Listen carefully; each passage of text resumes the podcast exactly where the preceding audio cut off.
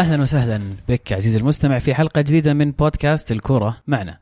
برنامجنا أسبوعي رياضي نسولف فيه عن أحداث كرة القدم العالمية والمحلية.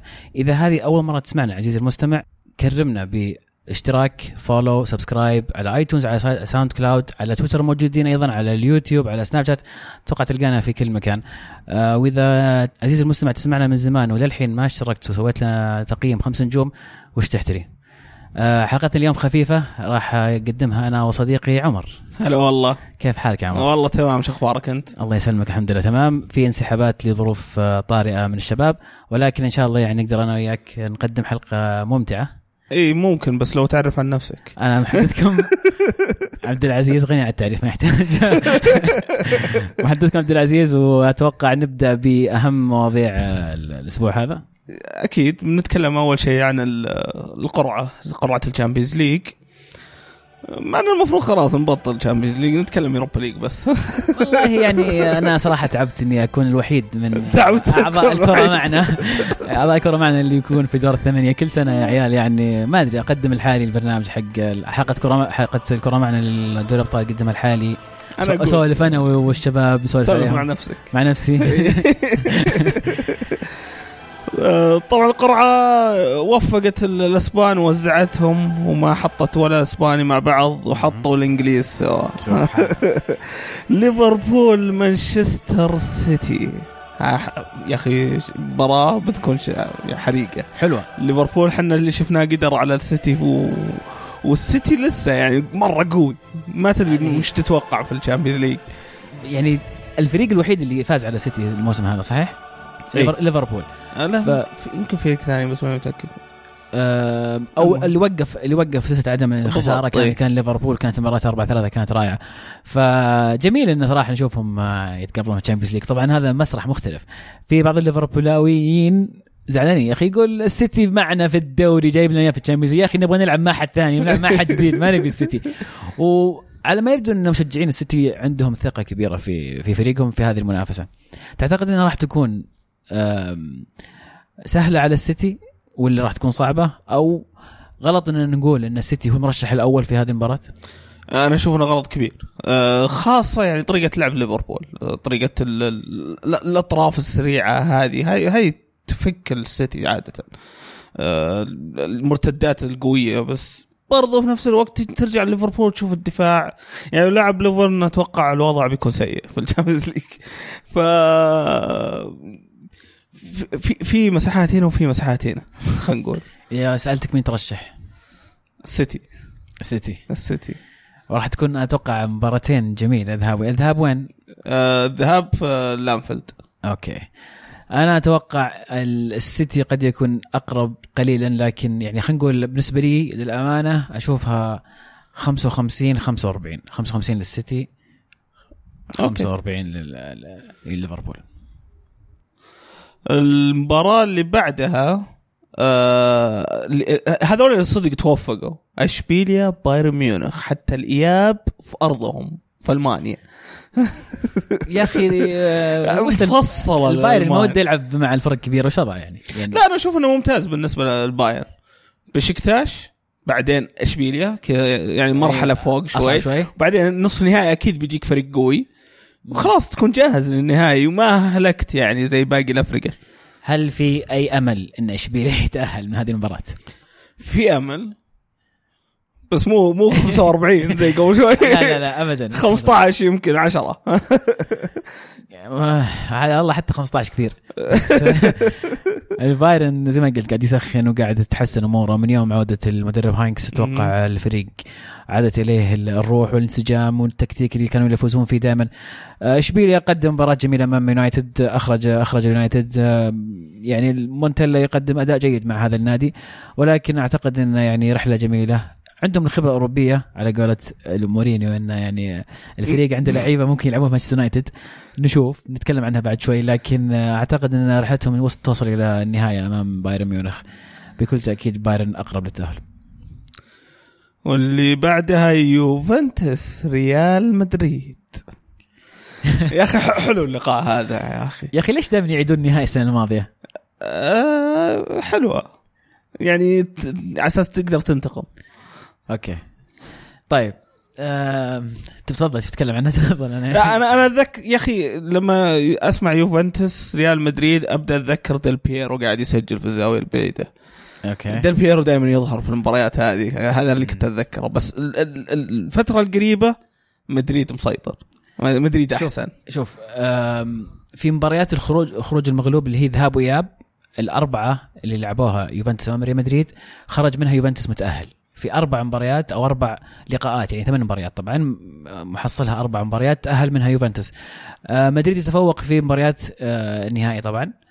آه، النهائي الأخير والنهائي 7 98 وأيضا طبعا في مباراة المجموعات كان في تفوق لريال مدريد. لكن كخروج مغلوب ذهاب وإياب اليوفي عنده الغلبة. آه هذه كلها أرقام ما تعني أي شيء طبعا. بالضبط. آه مباريات دائما رائعة. أعتقد إن المدريدي ما كان يفضل إنه يكون يوفنتوس في طريقه لأن يوفنتوس يعتبر فريق صعب بالنسبة لمدريد بالذات. آه من ناحيتي أنا كمشجع لنادي يوفنتوس أرجع أعيدها كتبتها في تويتر وارجع أعيدها. إذا تبغى تفوز في هذه البطوله وغالبا آه، أي مشجع لنادي كبير مشاركته في ال Champions League من أجل ال- ال- الفوز بهذه البطولة. فطبيعي إنك راح تقابل مدريد وبرشلونة وبايرن ميونخ ويوفنتوس و و. ما راح تقدر توصل النهائي أو تفوز بطولة وأنت تقابل فرق صغيرة وفرق متوسطة. طبيعي إنك راح تقابلهم. كيوفنتوس شخصيا أبغى أقابل مدريد على مباراتين ذهاب وإياب ولا أقابلهم مباراه واحدة في النهائي للأمانة. هذا كلام قلته السنة الماضية وأرجع أقول السنة هذه. طبيعي أوكي. إني أفضل مدريد ذهاب وإياب لأن يعني عندنا فرصة أكبر من إنك تلعبها مباراة واحدة للنهائي. بس مدريد يخوف. أكيد. صاير مرة يخوف ال Champions. مع عودة رونالدو إلى مستواه. شفنا مدريد عاد إلى مستواه بقوة. يمكن الكثير قابلتهم آم، أصدقائي مدريدية يقول 50 50 أنا أشوفها 51 المدريد على يوفنتوس. هي بتكون قريبة جدا. هذه. هي فأنا أشوف إن مدريد لأنه بالخبرة ما عندهم إلا هذه البطولة يلعبون عليها الدوري راح فما عندهم إلا ال Champions League يوفنتوس عنده غيابات عنده إرهاق. بشكل عام الموسم هذا يوفنتوس ما هو نفس يوفنتوس الموسم الماضي.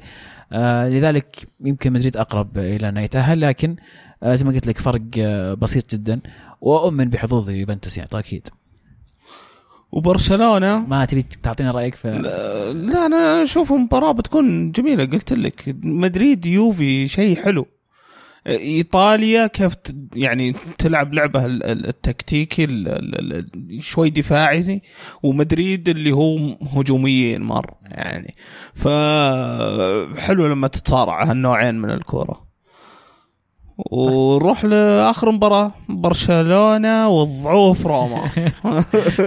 روما يعني كان ود كان ودهم يمكن فريق أي ثاني أي فريق ثاني يمكن. والله يعني لأن برشلونة صعب إنك من يبون؟ تلعب. وش لعب, روما. آه. صعب إنك تلعب لعب يلعبون لعبهم ضد برشلونة. صحيح. أتفق معك تماما. وللأمانة روما آه وصل إلى دور الثمانية لأول مرة من 11 سنة. في الصيف شفنا تغييرات كثيرة في, النادي. آه مع قدوم المدرب دي فرانشيسكو مع قدوم مونشي أعتقد في تغيير في الإدارة عندها نهج جديد قاعد تتبعه آه في قيادة النادي. وصول لدور الثمانية بعد غياب 11 سنة أتوقع إنه شيء رائع بالنسبة لروما. آه راح يواجهون برشلونة. أتوقع إن الموضوع صعب جدا. آه الميزة الوحيدة إنك تدخل المباراة وأنت ما عندك أي ضغوط ما عليك أي ضغوط. راح تلعب وأنت مرتاح تحاول تقدم مستوى مشرف. إن قدرت تحرج برشلونة فهذا شيء كويس. إذا ما قدرت فتطلع بكرامتك. يعني. بالضبط يعني هالنوع من المباريات اللي لما الناس كذا تصفيك من قبل لا تلعب ما ما عليك ذاك الضغط. ممكن تأدي. بس برضو برشلونة بال- باللعب اللي يلعبونه هذا أنا أشوف إن طريقة برشلونة جديدة هذه. ما هي بال attacking football اللي تعودنا عليها من برشلونة. آه زي ما شفنا ضد تشيلسي يعني رجعوا قدروا يصفون دفاعيا في بعض الاوقات في المباراة وصفوا كويس يعني. قاعد يتخلى عن ال attacking football شوي. مدربهم وش اسمه؟ حمزة إدريس. فالفيردي. فالفيردي. آه، يعني بدأ يوزنها عشان أساس يقلل من الأخطاء حقت الفريق. يعني هذا شيء ما ما راح أشوفه من جوارديولا يعني. بس آه، تحسب اشوفها للمدرب. فعلا طريقة مختلفة آه ولكن ما زالت ناجحة. آه وميسي ما زال ميسي خلينا نكون واقعيين يعني. yes آه في لعيب في- يسهل لك إنك تلعب أي- بهالطريقة بالضبط. حتى. تقدر تلعب بأي طريقة تبغاها تحط ميسي في. النص وتفوز عادي. أوكي هذه كانت قرعة ال Champions League. نروح للدوري الإسباني. الدوري الإسباني عندنا مدريد فاز 6 3 على أنهم جابوا ست أهداف جت فيهم ثلاث أهداف كلها ركنيات. سمعت يا أليجري؟ يعني أبد. ديبالا بيانيتش ارفعوا زي العالم الناس. رضا صدري فين أشوف لاعب اول مباراه المهم يعني. يتدربون الزكت سمعت يا أليجري بس يعني- يعني وش نتائج التنس هذه؟ من جد. من جد. آه مدريد كان ممتاز ترى يعني طول المباراة إلا كم ركنية ترى كانوا يعني مو قاعدين يمسكون اللعيبة صح؟ يعني هل ممكن هذه تكون نقطة ضعف؟ طلعت؟ هي أعتقد نقطة ضعف يمكن آه، اللي شاهدناه من دفاع ريال مدريد آه، بعض التخبيص شوي داخل المنطقة آه، خارج المنطقة في الضغط على حامل الكرة خارج المنطقة وصناعة الهجمة مدافعين ممتازين. عندهم بعض المشاكل في التغطية الدفاعية. شفنا ستواني كيف كان فاضي تماما في الهدف الأول by the way ستواني لاعب رائع لاعب رائع. أنا أتذكر مع ميدلسبرا كان يقدم آه، موسم جميل جدا مع والان آه، في أسبانيا أيضا آه، ما زال أتوقع عنده كم؟ 16 هدف؟ ناسي والله كم وصل الحين لكن دخل في قائمة الهدافين في أسبانيا. هذه يبدو لي إن مشكلة ريال مدريد الدفاعية. هجوميا تكلمنا كثير في بداية الموسم وحللنا وفلسفنا عن مشكلة ريال مدريد وما هي مشكلة ريال مدريد والضغط وزيدان و- على ما يبدو إن قد تكون قد تكون المشكلة رونالدو. يوم ما كان مروق أو ما كان في مستواه نزل مستوى ريال مدريد. أول ما رونالدو صح صح وبدأ عادي المستوى بدأ يسجل يسجل يسجل. تشوف مدريد ماشي بشكل رائع. أنا ما أقول إن هذه المشكلة أو هذا هو الحل. أنا أقول قد تكون هذه هي المشكلة وحنا قاعدين نتكلم عن شيء ثاني تماما. يعني هبوط مستوى رونالدو ما هو. يعني هبوط مستوى يعني لما تقول رونالدو نزل مستواه يعني صار عادي. ما صار خايس صار عادي. بس تقدر تقول العكس. يمكن هبوط مستوى الفريق ما يخلي رونالدو يأدي. أم، صحيح صحيح لكن رونالدو من نوع اللعيبة. طبعا نوع نادر هذا النوع. اللي لما ينزل مستوى الفريق هو ما يتأثر بهذا المستوى ويسجل ويرفع مستوى الفريق. زي زي ميسي. أيضا بنزيما أشوف أنه كان له دور رائع في هذه المباراة صراحة. يعني غاب عنا بعض الحظ مسكين لكن اللاعب يصنع. أنا أشوف إنه يسمونه صانع لعب ما يسمونه مهاجم. صح؟ انتهى الموضوع يا أخي. مهاجم ثاني. صانع لعب. صانع لعب بس يلعب فولس ناين ما أدري ليش. أوكي.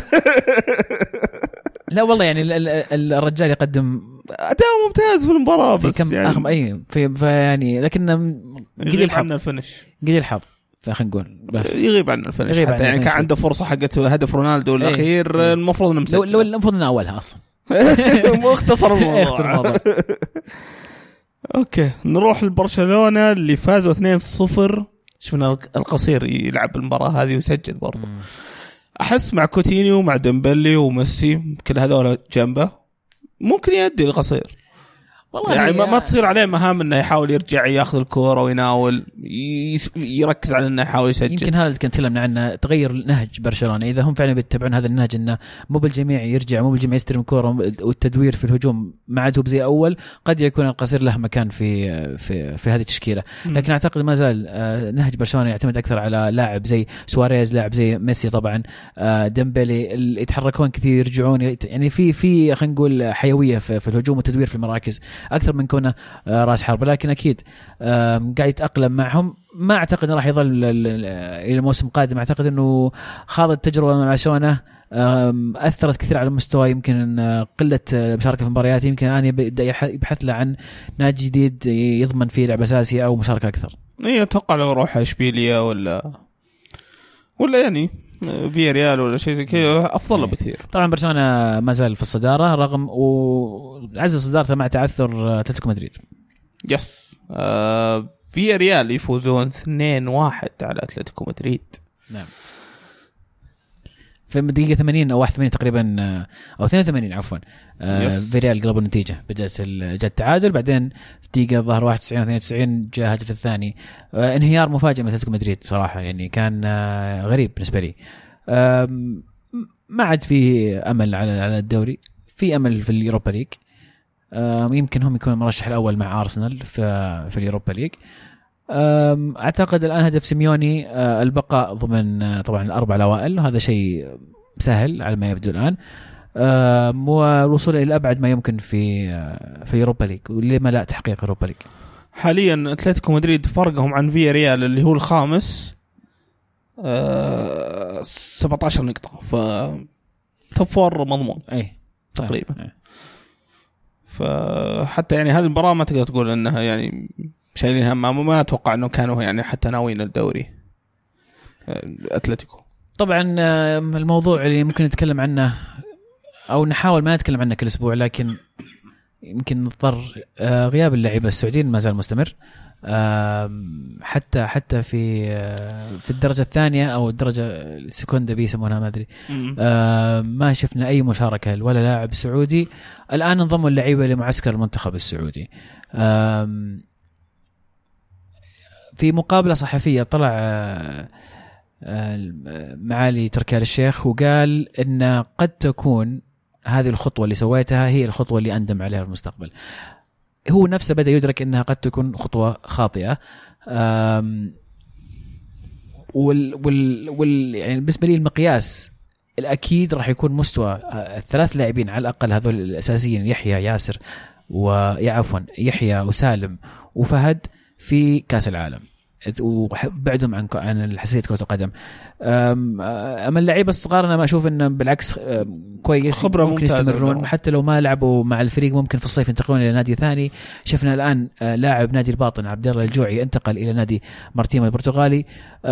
هذه هذه أشوف الصفقات اللي تنجح لما يجي النادي ويطلب اللاعب إنه يلعب معه ولا يتم طرح هذا اللاعب إنه تعال أنتم مين تبغون من عندنا خلاص خلوه يتدرب معاكم هذا مارتيمو ترى هذا من الأندية اللي ينقي لعيبة أي. شاطحين.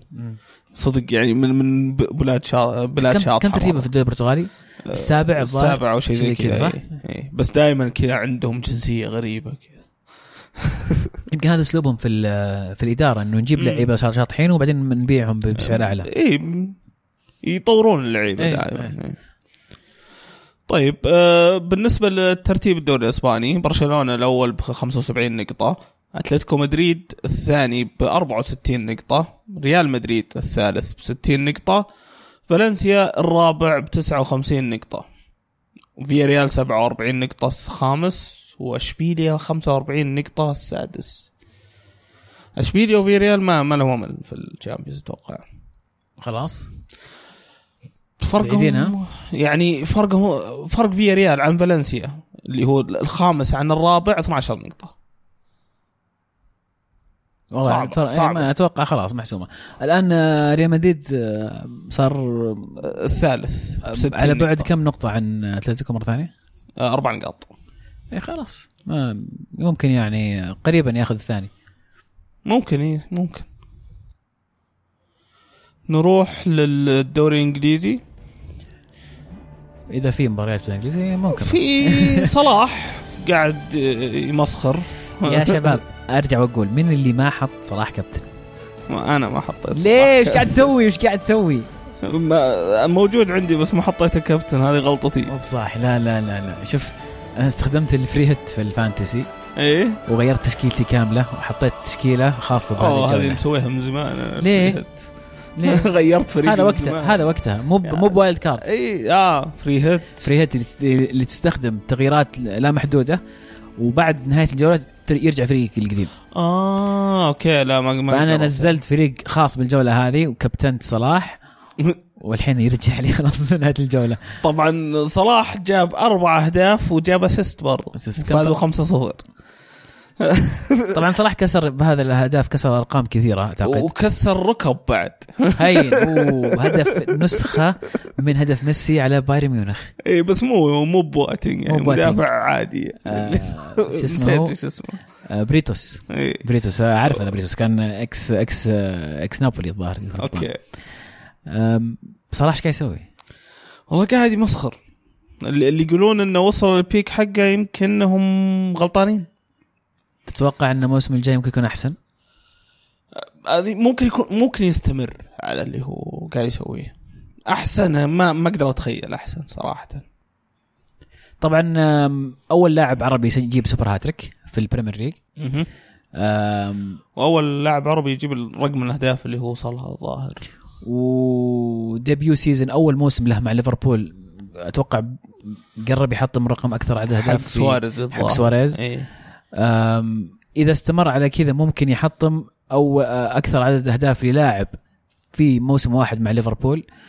اللاعب قاعد يسوي أشياء مجنونة. والحين هو الهداف 28 هدف وأقرب واحد له هاري كين ب 24 وبعدها سيرجيو اجويرو ب 21 شكله خلاص الهداف. شكله بيكسر رقم رونالدو اللي كان 33 هدف top scorer في الدوري. بعد. يمديه. باقي ثمان مباريات. هداف أو سبع مباريات الدوريات الخمس الكبرى في في أوروبا. صحيح. هو الهداف هو الأول. قريب جدا من تحقيق ال- الكرة الذهبية. صحيح. أول عربي يسويها. ما ما ودي أول عربي إفريقي يمكن ما ودي. نتحمس مرة بس آه، شيء كبير. ما- داعي نصك كبير. عين ها إيه إيه، بسم الله ما شاء الله. تف بسم الله، تف تف بسم الله. خمس خميسة. بعدين يا أخي يجي بكل براءة بعد المباراة يسلم على الحارس يقول له سوري. شفت أنت؟ والله لا يعني والله ما شفته ينحب اللاعب حتى يعني حتى ال ال هي ما- الإعلام كل إيه يعني. كلهم يمدحونه ويقولون شوف كيف إنه يعني يعني ما- ما بكل. يعني شفت الهدف اللي في هدف الظاهر الرابع حقه اللي إنجز الظاهر إنجز شاتها في الحارس ورجعت من إنجز وجت عنده. إيه، هو صح. أعطاها انجز هو أعطاها إيه. وانجز شاتها رجعت له مره ثانية سجلها يوم هو يحتفل تحسه مستحي. إيه مستحي تحس إنه إنك- إيه يعني اللي- يستهبل عليه. اي يعني ترى والله يعني كنت بعطيك إياها بس جتني إيش أسوي يعني؟ لا لا بكل التوفيق محمد صلاح. آه، فعلا نفخر فيه يعني كلاعب عربي أكيد. أتمنى له التوفيق أيضا في كأس العالم باستثناء مباراة السعودية. السعودية. لا يكون وقتها تأهل. إيه، إن شاء الله يكون ريح ما يحتاج يلعب إيه. ضدنا أتمنى أتمنى. آه، طبعا في باقي الافرقه ما لعبوا دوري لعبوا كأس اللي في كاب إلا السيتي السيتي ما سوى شيء. الأسبوع حتى. أرسنال ما سوى شيء صح؟ آه، أرسنال برضو ما سوى شيء. فعندنا توتنهام فازوا 3-0 على سوانزي. معنا كان في كم لحظة يعني الفار ما ما طبقوه صح؟ استخدموا الفار واللي صار إن توتنهام جابوا هدف وكان الحكم آه، قال إنه تسلل. عادوها بالفار. كانت ما هي بتسلل بالفار كانت تقريبا نفس الخط. رجع الحكم قال إنها إلا تسلل. وبعدين المعلقين يقدرون يتواصلون مع ال- المراقب. إيه. فأحد المعلقين ذكر قال إنه المراقب يقول يعني هي هي ما هي ب offside بس يعني ما هي واضحة مرة إنها ما هي ب offside عشان كذا ما قدرنا نقول. يعني لازم تكون واضحة مرة عشان نقرر. طيب أنت أنا وش فائده وش طيب. فائده الفار حط خط أصفر ووري نفسك يا شيخ وش وش هو دعوة؟ يقول يعني هي هي onside هو اللاعب ما هو متسلل بس ما هي بمرة واضحة إنه ما هو متسلل. فعشان كذا ما قدرنا نقول إنه ما هو متسلل. وفي ناس ثانيين يقول لا لأنه الحكم رفع الراية فالحارس وقف. وهي شوته يعني هي سلام وشات ف الفار ما زال يثبت إنه غبي. هذا في رأيي الشخصي أنا عارف إن قاعد كثير من الناس يمدحون يقول عادي ننتظر دقيقتين ثلاث دقائق عشان يجي الهدف زي مثلا مباراة مين راح نتكلم عنها بعد شوي. لكن أنا ما زلت أشوف انه آه، الحكام صاروا يعتمدون على الفار أو أشياء غبية زي كذا. يعني تخيل الحين مستقبلا بيصير الحكم إذا شك في التسلل ما عاد يرفع الراية. إذا شك الحين حاليا القانون يقول إذا أنت شاك تمشيها صح؟ إيه المفروض الحين لما يدرون إنه في كاميرا وراهم راح يمشون زيادة. إيه. حتى اللي يعني كنا متأكد إنه تسلل بس يقول فيها شك بسيط مين برافع الراية. لا حطها في نفسي ها. اي خلينا نشوف الاعاده وهم هم يقررون. إلا إذا كان يعاقب عليها إذا ما قفطها قفطوها الفار. هذه المشكلة. والحين رسميا اقروا إن الفار راح يكون في كأس العالم. آه، ها خلاص. آه، أنا أشوف شوف هي ما هي بالطريقة اللي إحنا نبيها أو ممكن قاعد تخرب الكرة اللي إحنا نعرفها. خفيف تبطئها شوي الفانز مو, مو عجبتهم بس أتوقع إذا خلاص هي فينا فينا مع الوقت راح يتحسن استخدام مم. أتمنى والله لأن أتمنى تتحسن لأن أدري ما راح تروح عرفت؟ أتمنى إن يقول لها طريقة تصير أحسن من كذا لكن في الوضع الحالي أنا أشوف إنها سيئة جدا لكن إيش تسوي عاد؟ ومانشستر يونايتد فازوا على برايتون إيه. وبعدين طلع يونايتد آه، مورينيو. هذه ط... جالس- هذه الثالثة صح؟ هذه المره الثالثة. هو شوف في ثلاث مقابلات صحفية أو ثلاث مؤتمرات صحفية تكلم فيها مورينيو. إيه. الثالث أنا ما أدري إيش صار فيه. أنا شفت الأول والثاني. أنا شفت يوم إنه تكلم إنه ماتش كان جزيرة. وحوله ما أبي أقول بحر بس يعني ما كان في أحد. شوف هو بدأ أنا في وجهة نظري خلينا نتكلم عن عن مورينيو لأن أتوقع هذا الجزء المهم في هذه الناحية وكنت أتمنى يكون معنا المهند يتكلم إيه. في هذا الموضوع لكن إيه. إن شاء الله الأسبوع الجاي بالنسبة لي الكلام اللي طلع وقاله مورينيو إنه يطلع ويقول أنا جيت هنا مع ناديين من قبل اللي هم بورتو وريال مدريد وفي المرتين أنا طلعت مانشستر يونايتد وهذا ما هو شيء جديد على على النادي إن هذه هذه الجملة غلط يعني بطرق كثيرة. اولا أنت ما تهايط على النادي اللي قاعد تدربه. إنك أنت الآن في النادي هذا أنت الآن جزء منه.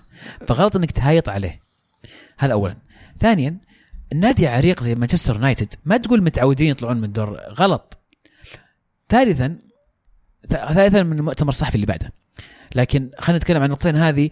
أنت كذا أحبطت الجمهور. احبطت كل من يحب مانشستر يونايتد اللعيبة نفسهم أصابهم الإحباط من كلامك إن إحنا هذا وضعنا أصلا إحنا كذا زلايب المفروض نتعود على المفروض تتعود عليه بدل ما تقول مع انه في نفس المؤتمر قايل إنه اللعيبة سووا كويس بس إشبيليا كانوا أحسن منه. شيء مرة غريب. مع إنه كان مستواهم سيء. إي إي كان سيء جدا. و- جداً سيء. أنت أصلا من مباراة الذهاب ما رحت عشان تفوز. ما رحت تحاول تسجل جول. قلت بروح ألعب 0 0 هذا اللي صار فعلا.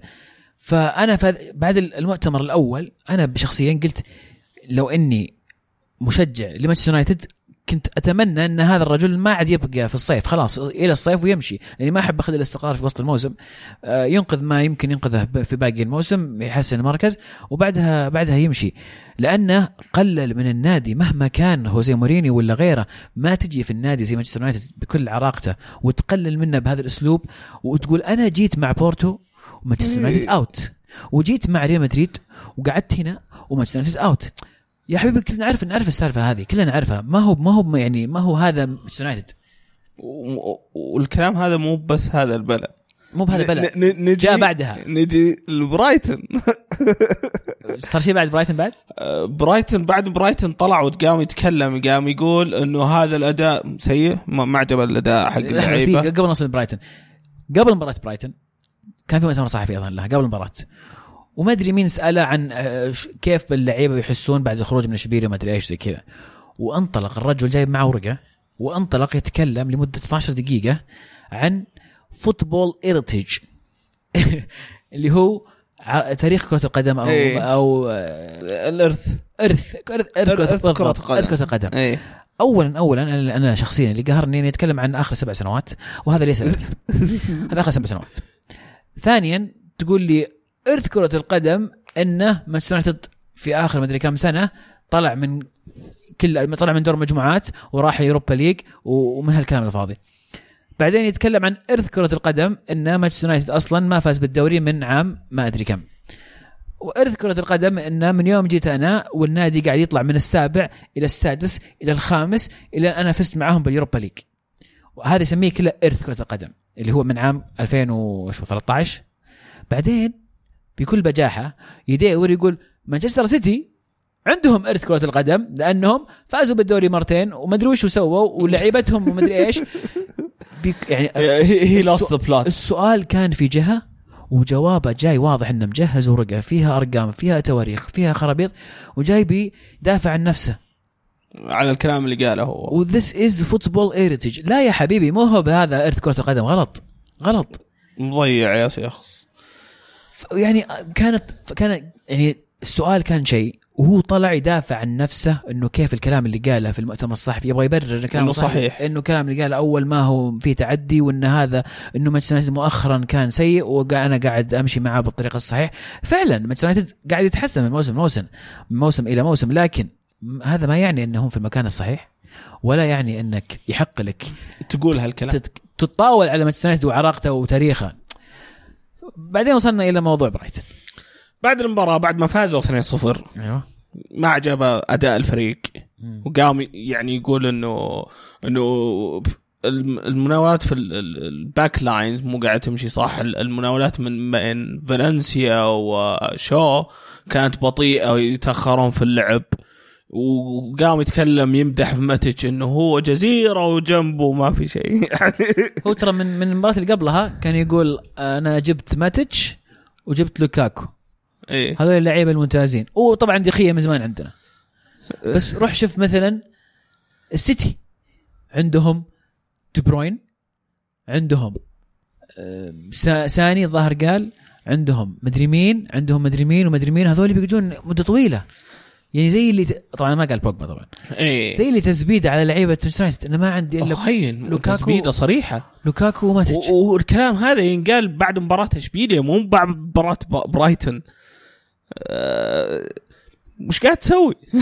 وش قاعد تسوي؟ يعني والله قهر. يعني أنا اللي ما يونايتد أنا أنا انقهرت يعني يعني انقهرت. لا لا انك لا إنك قاعد تكسب ال- ال- الجمهور وقتها ولا قاعد تكسب اللعيبة. صحيح وش قاعد تسوي؟ لكن الجميل الجميل من جماهير مانشستر يونايتد إنهم حيوه لما دخل الملعب وغنوا اسمه وزي كأنه ما في شيء. يعني متأكد انه مو بكلهم راضين عن الكلام اللي قاعد يقوله وفي استياء كثير لكن هذا يثبت لك انه في الملعب إحنا ندعم النادي وندعم المدرب إلى أن ينتهي عقده أو يستقيل أو يقال. غير كذا هو مدربنا فما نقدر ما, ما عمرنا يعني نقلب عليه أو على لاعب. هذه العقلية الصحيحة وهذا المفروض يكون في تشجيع كرة القدم. با- باقي المباريات. ويجن خسر ثن- صفر اثنين آه، ساوثهامبتون وتشيلسي فاز 2-1 على ليستر بعد إشواط إضافية. interesting بيدرو براس يجيب هدف. مراته جاب هدف. مراتا أيضا جاب هدف. آه اللي اللي أبدع فيه ولي. هو ياخذ الكورة من قدام منطقة آه، تشيلسي إلى أعطاه ال through. آه، وأخذها مراتا يعني سهلة أقدر أقول لك يعني. هو ركض الركضه الصح وحطها صح. آه كويس إن تشيلسي يعني رجع من مباراة برشلونة وقدر يتأهل لأنه يعني هذا هذا الكاس الوحيد اللي تقدر تصارع عليه الحين. وطريقك يعني أسهل من البقية يعني خلينا نقول. يعني نصف النهائي أحلى شيء القرعة جايبين بيتر تشيك وجيان فرانكو زولا أول إسمين سحبوهم يونايتد توتنهام. وخرهم عن تشيلسي. من جاكم؟ ساوثهامبتون. ساوثهامبتون. okay. ممتاز. مو في الويمبلي إن شاء الله بتكون ممتاز. يعني كل كل كل التوفيق لل Saints. طيب ننتقل للدوري الإيطالي. ننتقل للدوري الإيطالي. الدوري الإيطالي. اليوفي يتعادل صفر صفر أمام سبال. إيش صار؟ والله للأمانة ما أدري. اللي اللي أقدر أقول أنا أعتقد إن يعني اليوفي كان مرهق. الفريق مرهق جدا. آه سبال أحكم الدفاع وسكروا كويس ودافعوا واليوفي ما قدر آه يسوي شيء. آه صدق أعتقد إن الفريق مرهق يعني. بعد كذا مباراة قوية بدون توقف كان في مباراه أتلانتا أيضا في وسط الأسبوع. آه ف أعتقد إن نالهم الإرهاق. والحلول الهجومية أيضا قليلة. ما في إلا مانزوكيتش جاء من الدكة مع غياب برناردسكي للإصابة. أعتقد إن هذه مشكلة إرهاق. للأسف إنه كان جميل إنك تطلع من آه، أو تنتهي قبل التوقف الدولي. تكون متقدم بأربع نقاط. لكن فرطت بالنقطة هذه وأيضا مباراة ميلان هي راح تكون المباراه القادمة وبعدها ريال مدريد. فالوضع راح يكون صعب على اليوفنتوس لأن مباراة تعثر ميلان في الكاس ولا؟ لا في الدوري. في الدوري في يوم السبت اللي قبل آه، مباراة ريال مدريد في تورينو. كل المباراتين في تورينو هذا شيء كويس لكن أي تعثر امام الميلان وتعثر أمام مدريد راح يسبب ضغط نفسي على اللعيبة آم، ومن نابولي راح يكون ضغط نابولي ما فوت الفرصة أمس. بس ما ما تحس إنها راحة لما يكون في أسبوع فيفا ف هي هذا هذا قال اليجري قال إحنا إحنا محتاجين محتاجين نرتاح. كان اللعيبه وقت مناسب جدا إنهم يرتاحون.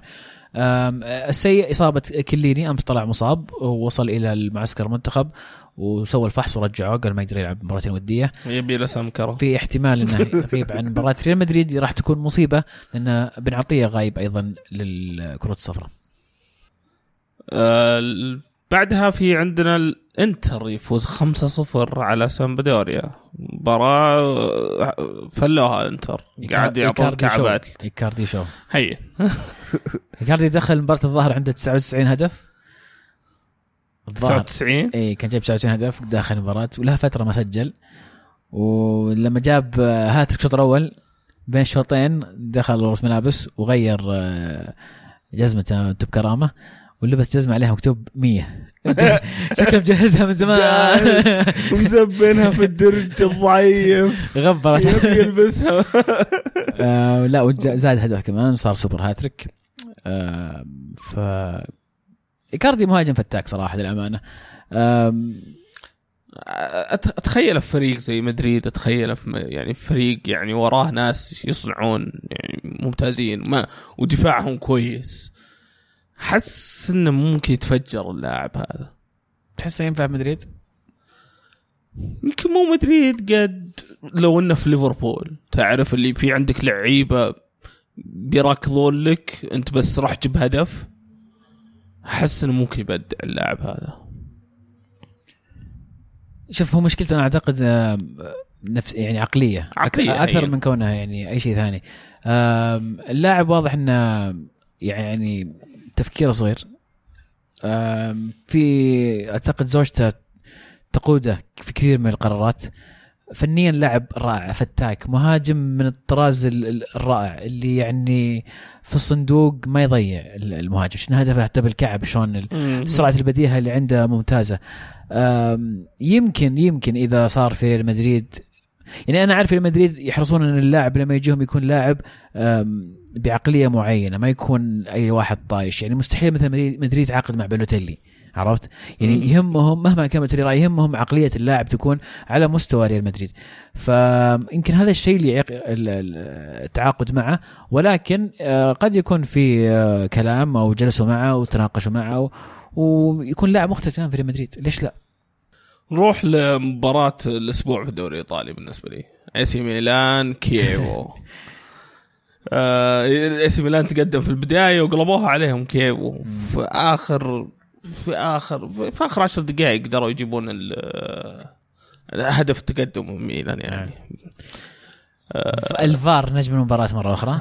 فار فار سوى كويس الفار. أه. سوى يعني كويس. اللعيبة وصلوا نص تكوا في نص الملعب شوي كذا أبو ثلاث ه- دقائق ه- هذه مشكلة. إيه. بعدين فجأة قال هدف. راح كتروني ركض لين المرمى يبي ياخذ الكورة. قام شاتها الحارس. راح خط المرمى. لف كتروني راح إلى خط المرمى إلى خط التماس وأخذ الكورة ورجع حطها في النص. طيب يا أخي راح خذ كرة من البول بوي. راح شوف لك واحد كرة كرة ثانية. مليان. رقت لاحق الكرة تحمس مرة آه لكن نجح الفار في هذه ال- المباراة ها؟ أم، أعتقد فوز مهم للميلان قبل التوقف. قبل التوقف يعني أحس إنه ما ما ودهم يتوقفون أصلا ميلان الحين. على الاست- الاستمرارية اللي ماشيين عليها الدوري. الجاية الميلان ترى ما هي بسهلة. عندهم اليوفي بعدين إنتر. إي بال- بالضبط. ودك إنه يجيك اليوفي وأنت كذا مستمر قاعد تفوز تفوز تفوز تفوز. التوقف هذا بالعكس يوقف ال rhythm اللي عندهم. صح أتفق معك صح. مباراتين آه، يمكن مهمة للميلان في تحديد إن أملهم في الوصول إلى أحد المقاعد مؤهلة لل Champions League. بالذات مباراة الإنتر بالذات هذه. اللي هي اللي كانت مؤجلة كانت مؤجلة نعم. صارت في ثلاثة أو أربعة أبريل. هي نفس اليوم من مباريات ال Champions League. هي خليهم يلعبون نفس اليوم يحسون إنهم Champions League. يشغلون الأغنية كيف كذا. آه، روما يفوز 2-0 على كروتوني. شعراوي وناينجولان ناينجولان حتى اللي اللي قاعد يتلفت يتلفت بعدين قال تدري كيف shoot. لازم نتكلم عن روما. روما يمكن في. في مرحلة انتقالية هالموسم هذا. في توجهات يعني جديدة في الإدارة. آه، كل ما أخشى على روما صراحة إن يبيعون أحسن لعيبتهم في في الصيف. شفنا استعداد لبيع زاكو يمكن زاكو لو ما عابط تشيلسي كان الحين كان انتقل راح لهم. شفنا إيمرسون طلع بكل سهولة نيانجولان أتوقع هو اللي مصر يقعد ولا كان أيضا انتقل. غريب توجه الإدارة يعني بالاستغناء عن عن نجوم معليش مع كل احترامي روما مو باشبيليه في فرق في فرق بينهم. فرق في الطموح أيضا. أعتقد روما يعني عنده رغبة في تحقيق البطولات.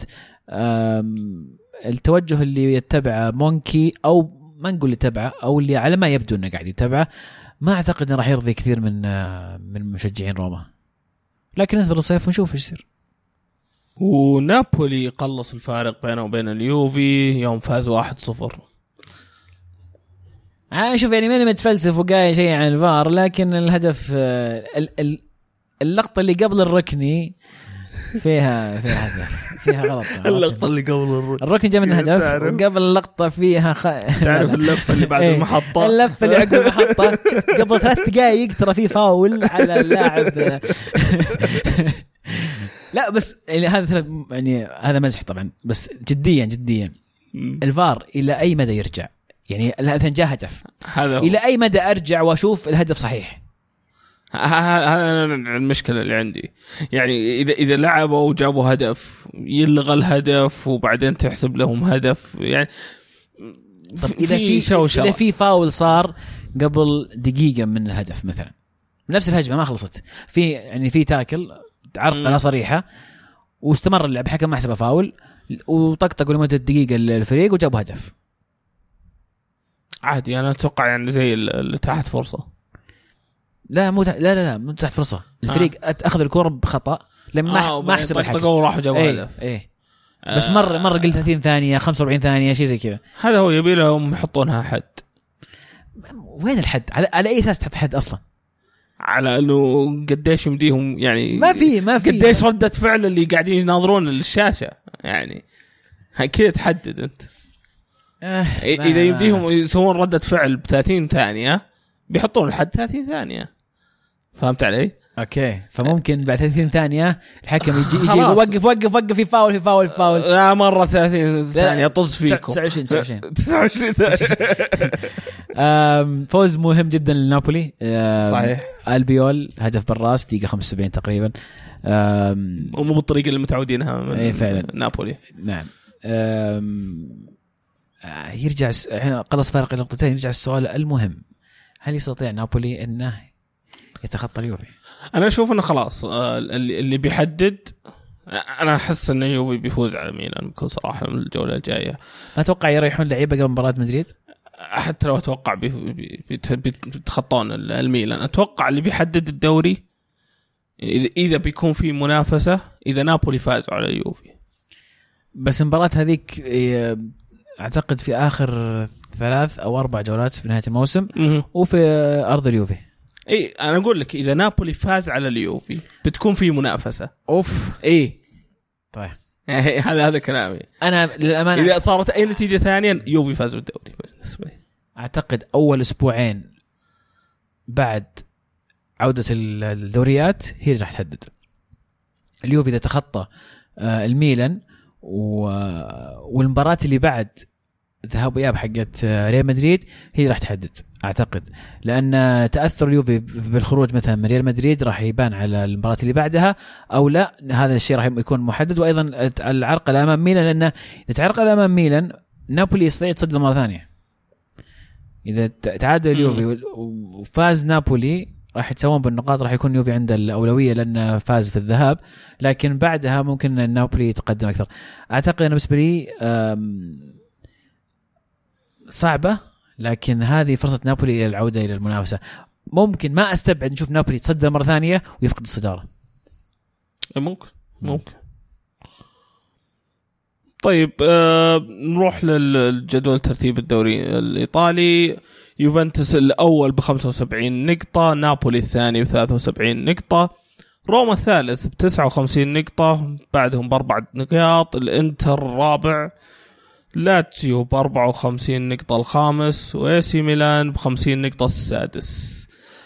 يعني خمس نقاط إي سي ميلان على الإنتر possible possible والديربي راح يكون مولع. جدا جدا جدا. إلا إذا كانوا خسرانين الميلان من اليوفي لا لا لا يعني- مولع مولع ما عليك. الدوري ديربي الغضب معك. طيب حول العالم؟ عطنا حول العالم. وش في عندنا حول العالم؟ بايرن ميونخ يخسر من لايبزيج 2-1 لا لا لا لا لا تخيل خسروا. لا لا يا رجل. مع إنه ما فرقت واجد يعني لسه فرقهم 17 نقطة عن أقرب. فريق. بس يعني. بس والله آه، على الأقل خسروا. غريب. نحس إنهم humans يعني ف- فريق طبيعي يكسب ويخسر عرفت؟ لا، ب- بالنسبة للايبزيج آه، مباراة جميلة جدا من لايبزيج آه، شفنا تيمو فيرنر اللي يبونه بايرن. يسجل. في هذه المباراة وأيضا كيتا اللي راح يروح إلى ليفربول. أعتقد لايبزيج هذا آخر موسم لهم في يعني في كفريق مزعج خلينا نقول. أو تتوقع okay. إنهم ممكن يدعمون يستمر الدعم؟ يعني ملاك النادي اللي عرفت إن عندهم فلوس آه، نفسهم اللي مالكين آه، شو اسمهم سالزبورغ و... فيعني في فلوس ورا النادي. فإذا في استثمار خاصة بعد كم صفقة بتصير الصيف هذا كيتا بيطلع ظاهر و إذا فيرنر طلع برضو. فأتوقع بيرجعون يضخون فلوس في النادي. بي... وعلى على فلسفتهم اللي هم ماشيين عليها من بدري. نشتري صغير عشان نبيع كبير. أسهم. مو بفريق آه البايرن آه إرهاق توقع؟ ممكن ممكن. بعد ما خلصوا من ال Champions برضو يعني اللي فرق كبير عن أي أقرب منافس آه، ممكن. خذوا الاهداف بري... صراحة يعني كان خذوا breather عارفين إنه في break يعني. اهداف صراحة غريبة شوي أيضا المستوى الحرا- الحارس عند بايرن.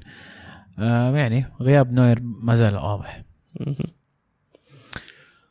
دورتموند برضو فاز 1-0 يعني على أساس إنه يحاولون نحس يعني مين سجل؟ بس هدف مين سجل؟ جميل اللي تسجل. باتسمان. باتس. بعد شوي بهدف بالكعب. آه يا أخي ما أتوقع إنه يرجع لتشيلسي. خلاص انبسطت. أنا ش... أنا أشوف إنه أفضل إنه يروح الفريق تشيلسي يعني. عبارة عن كذا ممر يعطيك طاقات خارقة.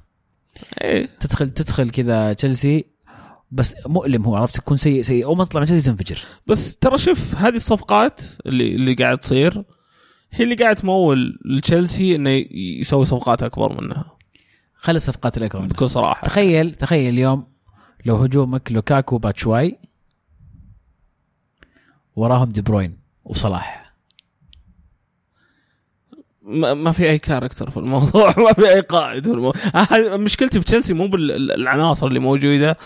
قد قد إنه ما أشوف إنه في قائد في الفريق. ما ما في أحد في الملعب يجي يصفق واحد من- على على من على القائد؟ راسه من ورا يقول له العب زين. من هو القائد الحين طيب؟ ما حد.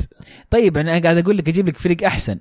لا دخل أنا. أنا أبي أجيب لاعب الخبرة اللي أنت بترجع لامبرد. ولا ولا تيري؟ ما ما تقدر. أنا ممكن ممكن تر- ممكن ترجع لامبرد أو تيري في الطاقم ت- إي، بس ما التدريبي. هو في الملعب. بس في الملعب تحتاج لاعب يعني لاعب كبير. على الأقل. يعني وش تشوف الحل مثلا؟ فابريجاس أنا ما أشوف انه اللاعب ال- ال- القيادي. okay. وش الحل؟ أه، جيب واحد شايب كويس. ما مو قاعد يطلع في راسي اسم حاليا بس نحتاج هال هال هالشخصية حاليا. إنيستا. ممكن. كيف نجيبه؟ انيستا فهمني كيف تجيب انيستا تروح تقول له تعال. بعطيك بعطيك فلوس تلعب مع بيدرو تنبسط. تلعب مع فابريجاس بيدرو. ودرينك واتر.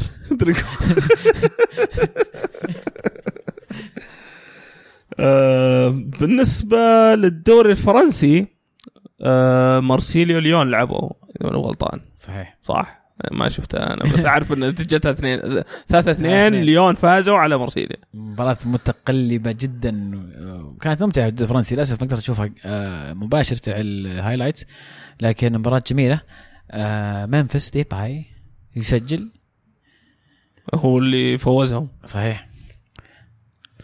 الدوري الفرنسي له متعة خاصة بعض الناس تتذوق هذه المتعة بعض الناس ثقافتهم فرنسية ولا يا عمر؟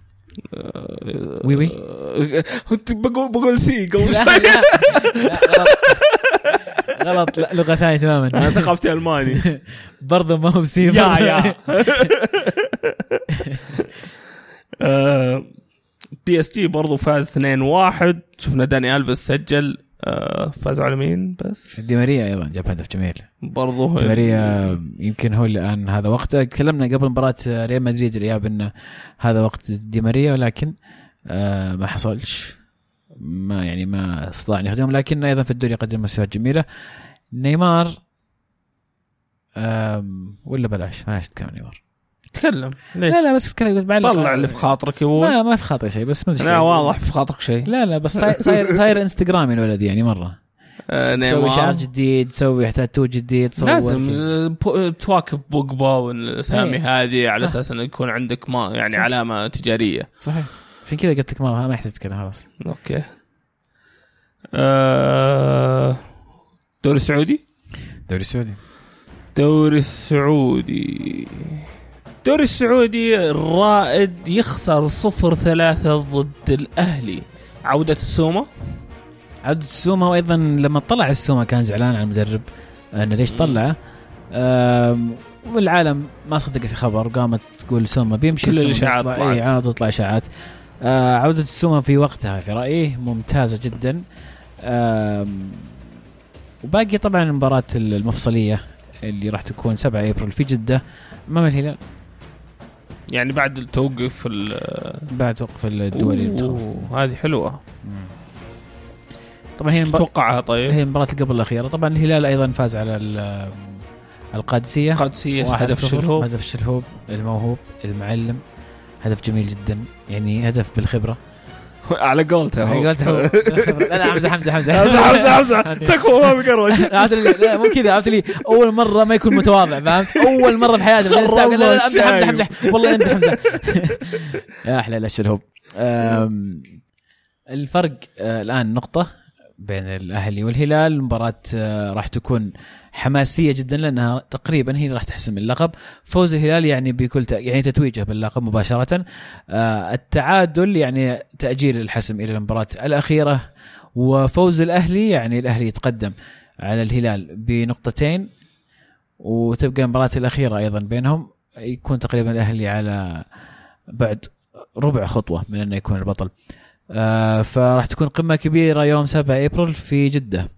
آه قهر احسبها هنا في الملعب. كنت بقول لك خلينا نروح نحضر. لا المباراة اللي بعدها إذا تبي مباراة إذا كانت مباراة التتويج راح تكون في, في الرياض. إذا تحب نحضر سوا. ابي أبي أجرب. مع أنها أعتقد هذه أسوأ مباراة في- في تحضرها إذا كان الهلال فعلا إيه يتوج فيها تتويج الملعب, الملعب يمكن يعني يغص من كثر ما اي بالضبط. لا ابي أبي أروح مكان يعني وقتها ال- الناس تكون خلاص طفشوا أجل السنة الجاية وعدنا إن شاء الله. okay. نوديك ملعب الجامعة وتشوف. ونجرب. ناخ- ناخذ ال cycle زي مهند. موافق؟ قدام معك okay. عمر وافق ياخذ ال cycle معنا. بس أنا بركب وراك. لا وش اللي وراي. ننشف مكانه ما يتحرك. استهبل انت الجدير بالذكر طبعا لعيبة المنتخب السعودي تم استدعائهم في الآن معسكر راح يلعبون مباراتين أمام بلجيكا وأمام ما أدري مع مين صراحة بس في إسبانيا معسكرين في مربيا الشباب اختاروا الله. اي اختاروا مكان يعني آه، رايق إذا المعسكر ليش. الظاهر وقتها مو كويس ما يعني. بس بغض النظر ليش معسكر في مربيا وش إيش قاعد تسوي في مربيا وش وناسه يا أخي يا أخي حتى حتى مو. مو في ملقا في مربيا مرضية. يعني. معسكر في مربيا آه قريب على اللعيبة وعيالنا انضموا على طول قريبين آه مسكت خط بسيط مسكت خط بسيط. فايضا الجدير بالذكر يمكن غياب اللعيبة الدولين عن نهائي كأس الملك قرار يعني قوي شوي ثقيل يعني آه، بطولة مهمة نهائي كبير تغيب عنه يا اللعيبة أشوف الدوليين النوادي السعودية انظلمت صح. هذه، خاصة النوادي المقدمة إيه. يعني لعيبة أخذتهم منهم وديتهم إسبانيا لعيبة مو قاعدين يلعبون في مباريات ك... يعني كبيرة و... عشان المنتخب. يعني أعتقد كأس الملك تز- أو النهائي كأس الملك تقدر تلقى له يوم موجودين في اللعيبة الدولين ما يحتاج ان تفرغهم. من بدري يروحون المعسكر أم، للأمانة أنا أنا يعني قلق كثير على على على المنتخب السعودي. أه، إلى إلى الآن ما أشعر إن في أي شغل قاعد يصير. أحس انه بس صاير ضغط على اللعيبة فقط لا غير. يعني حتى انه إنه نبي نسوي نبي نبي ونبي وما في أي نتيجة واللعيبة يحسون إنه في شيء يعني ان الن- الناس قاعد يركضون من وراهم. فهمت؟ أو جنبهم يعني. ما أدري أنا أنا ماني غير مطمن ابدا على الوضع اللي قاعد يصير في في المنتخب السعودي. أتمنى إن المعسكر هذا يطلع بنتائج إيجابية ونبدأ نشوف على الأقل شكل المنتخب كيف راح يكون في كأس العالم لأن. ما بقى إلا كم أقل من ثلاثة شهور يمكن على كأس العالم. آه، باقي الوضع- 87 يوم. أي يعني أتم... أنا ما أعرف آه، بيتزي مدرب المنتخب السعودي إيش الأشياء اللي في اللي في, اللي في باله إيش الخطط اللي عنده إيش الأسماء اللي عنده. أتمنى إنه يكون يعني وصل إلى تقريبا 70% من شكل المنتخب كيف راح يكون. أستبعد ذلك لأنه ما لعب معهم ولا مباراة رسم آه، دو ودية. مباراة أمام المنتخب العراقي ما كانت باللعيبة اللي راح ياخذون ياخذون كأس العالم لعيبة مختلفين فهذا أول معسكر فعلي يكون مع بيتزي ويكون في مباريات حقيقية أمام فرق آه، ممتازة. للأسف راح يغيب كورتوا. كنا ودنا نمسخر كورتوا مباراه بلجيكا. تبون تحطون فيكم كبري طبعا طبعا. شو هو ميسي بس يعني؟ يا أخي تصريحة بعد المباراة مو برفع ضغطي. وش قال؟ قال أصلا هذه نقطة ضعفي الكور اللي جنب رجلي. بالله! يا رجل. تقولها كذا قدام العالم؟ ترى نقطة ضعف الكوبري. لا وبعدين أنت لاعب كرة قدم ما تعرف تخلص كورة برجلك؟ لا وحارس. إي ما. تعرف. خلصها كأنك مدافع يا رجل. قهرني أقسم بالله. فعلا مستوى نازل ترى مؤخرا كورتوا إي مرة، مرة. أخ... مو حتى مو بموسم ذا. اللي, اللي بعد المباراة كذا واحد من الشباب قال ما تودكم تبيعون كورتوا مدريدي أقول خذوه أعطونا أنا بس ما عندي مشكلة أدفع لكم عادي. نروح البطل بصل؟ أوه بطل بصل. أنا بالنسبة لي بطل الأسبوع محمد صلاح على المسخرة اللي سواها في واتفورد. أه وبرضو بط... آه، بصل الأسبوع بالنسبة لي جوزي مورينيو على التصريحات الشاطحة الأسبوع هذا تكلمنا عنها طبعا. هدف الأسبوع هدف آه، تشالهانوغلو في ال Europa League على الأرسنال آه إيه okay جميل okay. هدف آه بطل الأسبوع بالنسبة لي والله عندي أسماء كثير يعني. أنا محمد صلاح يستاهل يكون بطل لأنه قاعد يكسر الدنيا. بما انك ذكرته ممكن أضيف عليه اللي جابوا super hat-trick الأسبوع هذا اللي هم رونالدو وإيكاردي فأصحاب ال super hat-trick عشان ندخل في ما نطلع من القوانين إن شخص إن وتقعد توزع إيه،؟ إيه، زي إيه، زي مهند. لا لا نمشي. هدف الأسبوع أوف هدف الأسبوع هدف محمد صلاح آه، ال- ال- ال- المساوي اللي سدح فيه بريتوس. وأيضا لازم أذكر هدف جريزمان في ال Europa League اللي ما شاف الهدف هدف جريزمان. League هدف خرافي من ال من ال الصناعة إلى التسجيل هدف جميل جدا لازم تروحون تشوفونه. فانا أنا مخليك توزع بس عشان الشباب مو موجودين. اي خلنا خلنا نفلها اسمع أصلا. يعني أصلا كنت بنشقح الدوري الانجليزي كله مرة واحدة. خلنا يعني خلنا ننبسط. أنا أقول أصلا المفروض ما نسولف كورة نسولف عن كونتي. أنا أقول سولف تنس. شفت كيف روجر معك؟ ما أدري ما. لا تقول سولف لا تحمست أنا على ترى. تراني عاشق روجر فيدرر أنا. تبي سولف آه، سلة مثلا؟ حاب سلة؟ إيه. لا والله. أقدر أسولف تحت 19 Champions League عادي أقدر لا أسولف. بلاش اضحك تشيلسي توهم مطلعين ريال مدريد 4 2 وصلنا نص نصف إيه، النهائي. تحيات بالمزارين ها؟ بالضبط. أنا قلت بصل أسبوع ولا ما قلت؟ ما قد وصل ما قلت أسبوع. صح؟ واضح انه ما عندي بصل. بس؟ يعني هو مورينيو صراحة يعني يتفوق على. الجميع في اختيار البصل دفاع ريال مدريد أيضا على الثلاث أهداف اللي جت فيه قد يكون بصل. وش بعد؟ وش بعد عندنا ابصال بس كفي كفي يكفي ممكن كورتوا على كبريين يستاهل بصل ال Champions League إيه. أوه تتكلم عن ال Champions League عندك إيه. عندك محتوى كبير في ال Champions League أوه صح. من عندك آه، من مدري آه، يونايتد. مانشستر يونايتد أكيد. حكم مباراة ارسنال وميلان. صح صح. حكم هذه مباراة ارسنال وميلان إيش قاعد تسوي؟ داني ويلبك إيش قاعد تسوي؟ فيها البلنتي مو مو بصحيح. أنا يعني مو بصحيح. مو معقولة. والله والله شيء يقهر والله شيء يقهر. لكن الحين يقول لك الفار. يعني أتوقع الفار لو في ما ما سوت شيء في هذا الموضوع صراحة يعني. ما علينا. وزعنا بصلات وبطلات وأهداف كفاية. وزع. تحب نوزع زيادة شيء؟ أي شيء؟ لا أنا أقول أنا ودي أعطيك ودي أعطيك بطل كذا بس. أنا أقول نروح ل... للهاشتاج. خلاص. هاشتاج أيضا بطل يستاهل. طيب. آه هاشتاج آه البرنامج نلاقي فيه ناخذ مشاركة من عبد الله يقول حل مشكلة الهلال هو تغيير منظومته الهجومية والتي كانت تعتمد على لاعب وسط بمواصفات إدواردو ومهاجم بمواصفات الميدا أو خربين. ممكن. الهلال دخل في بالنسبة لي دخل في آه يعني مشاكل كثيرة. بسبب إقالة المدرب وعزل والمهاجمين زعزعت الكثير اللي- الاستقرار آم، وحلها ما هو بسهل الآن. إي ومن ناحية مهاجمين بالنسبة للهلال حاولوا جابوا ماتياس جابوا ريفاس. مو مو قاعد تلقى معاهم الحين حمد يقول كالعادة عبد العزيز هو الممثل الوحيد للكرة معنا في دوري الأبطال أصلا وش هو هذا دوري الأبطال؟ صحيح يا حمد. كل سنه أنا أنا بس يعني متحسف إن المهند وعبد الله مو فيه عشان ما أقدر أبثرهم وهايط عليهم لكن أوعدك الحلقة الجايه بذك بذكركم في الموضوع. بالذات إنه يعني مباراة مدريد قريبة عرفت؟ لازم أستغل الوقت بسرعة. آم، غايب يقول نبغى حلقة كل يوم في كأس العالم. جهزوا أنفسكم. على طاري كأس العالم تتوقعون ممكن نشوف اللاعبين السعوديين يحترفون في الدوريات الصغرى في أوروبا بعد كأس العالم. بوجهة نظركم كيف سوق اللاعب السعودي ممكن يتحسن خارجيا؟ أنا أتمنى أتمنى تتمنى يعني راحت حلقة كل يوم في كأس العالم؟ ها؟ تتمنى حلقة كل يوم في كأس العالم؟ أتمنى إنك تسوونها يعني وما تقصرون أنت واضح إنك. جحدتنا يعني. أنا أنا أنا عندي شغل في 3 يعني آه، أنا في أمريكا. كان ودي والله, والله بس يعني ما أقدر. راح نحاول إن نقدم شيء مميز في كأس العالم إن شاء الله ترقبونا ويعني قد لا يوصل إلى حلقه كل يوم قد يصل إلى حلقه كل يوم ما ندري لكن آه، في شغل من الحين بعدين نحاول نجهز لنا شيء. آه، إن شاء الله نقدر نطلع بشيء جميل. إن شاء الله. اللاعبين السعوديين يحترفون. أنا أتوقع صراحة مو بتوقع على الوضع الحالي اللي ماشيين فيه بنجيب العيد كأس العالم. هذا. كأس العالم بتجيب العيد أنا هذا للأسف يعني على اللي شايفه الآن. ما أبغى أحكم من بدري ولا هو بحكم مبكر ابدا. يعني أنا أشوف إذا طلعنا بنقطة شيء كويس. لا لا لا لا, لا, لا أخت... لا شوف أنا مو بكذا قصدي. مو قصدي إن إحنا سيئين وحنا هم أقوى منا لا. الوضع الحالي الاستعداد الحالي غير جيد. ابدا. ما بعد يكتمل أنا عارف ولكن حاليا الآن لو تقول لي الآن على وضعنا الحالي بنروح نخسر ثلاث مباريات ترجع من الآخر. بالضبط بالضبط. ف ما قصدي إلى أن نصل إلى كأس العالم قد يتغير الوضع قد يكون الوضع مختلف. ما يكون... أحس ما أحس. هذا اختلافي أنا وياك هذا اختلافي. أنا بالنسبة لي.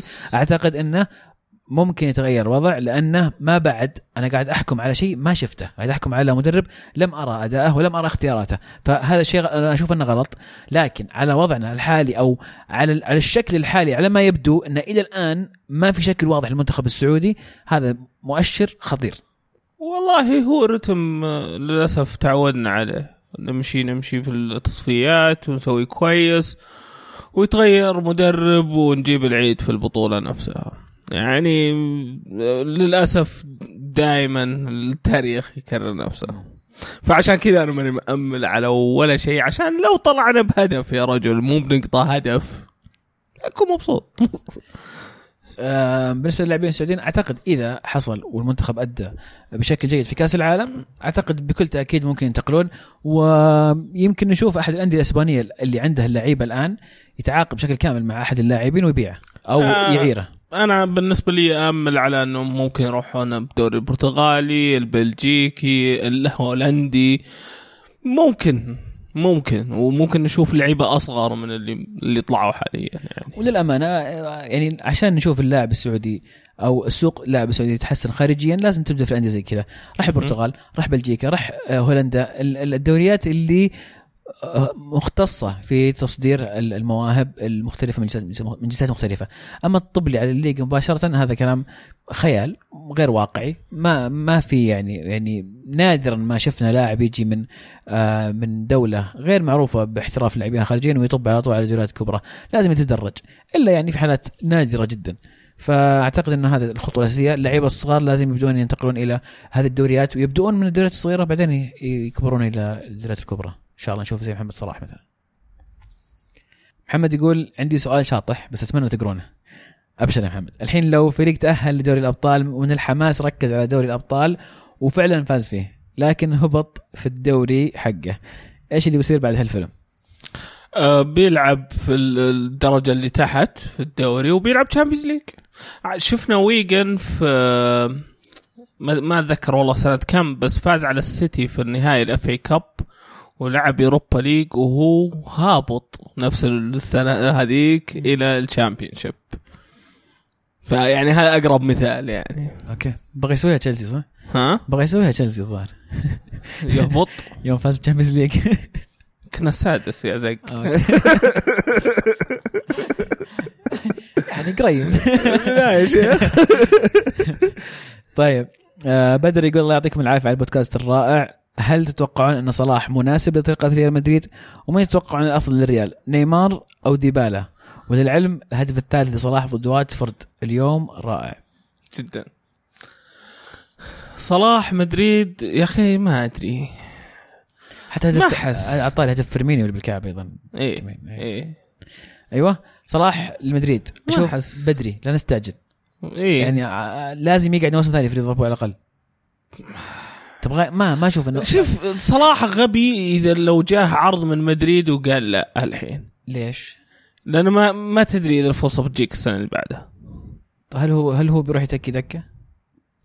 يا رجل يعني ما معليش أنت شخص يعني قاعد عايش في السعودية وقاعد تلعب حارات وفجأة قالوا لك في ع... يعني بعد ما لعبت في أوروبا شوي قالوا لك في عرض من مدريد راح ترفض إلا إذا كان عندك يعني عاطفة تحب الفريق اللي أنت فيه ما يعني. أدري أنا التشبيه أختلف معك لأنه هو صعبة. قاعد يلعب على أعلى مستوى مع قاعد مع ليفربول. بس قاعد تلعب مع مدريد. إي ما اختلفنا مدريد أنا أتفق معك تماما الحلم إنك توصل مثلا لمدريد. تستهبل قاعد تلبس تيشيرت لبسوه رونالدو بس- بس يكون- بس يكون في استعجال. سامي أنا أشعر إنه لو انتقل في الصيف الآن راح يكون مستعجل.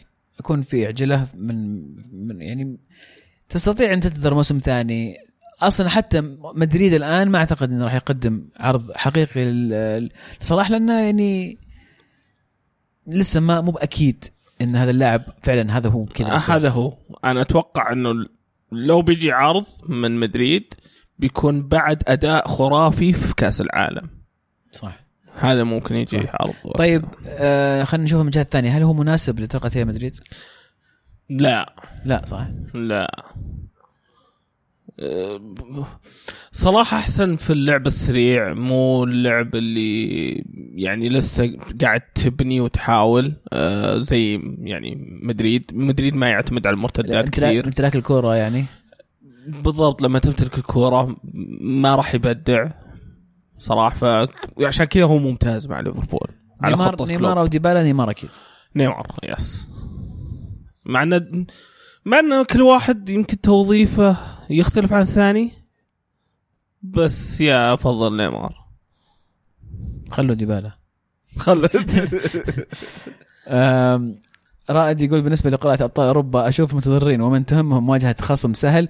هم لديهم منافسات أخرى مثل برشلونة والسيتي واليوفي. والمتضرر الأكبر إشبيليا لكن البقية ما أشوف إنهم متضررين. إذا أردت بطولة لا يفرق من تواجه. بالضبط. أتفق معك بالضبط. الرائد. صحيح. لكن حتى مثلا برشلونة والسيتي واليوفي اللي ينافسون على الدوري نفس الشيء يعني إذا قابلت اشبيليا الحين بتقابل بعدها فريق كبير يعني. يعني هي ممكن إنك تريح الحين وتبعد في الدوري أكثر بعدين ترجع نصف النهائي تلعب مع فريق قوي. مو. وجهه نظر لكن حطها في بالك إنك إذا طلعت فريق كبير الآن راح تلعب معه في نصف النهائي أو في النهائي. فيعني تفتك منه. بالضبط. طيب محمد يقول يا شباب متأكدين إن اللي يسجل على واتفورد السوبر هاتريك هو محمد صلاح؟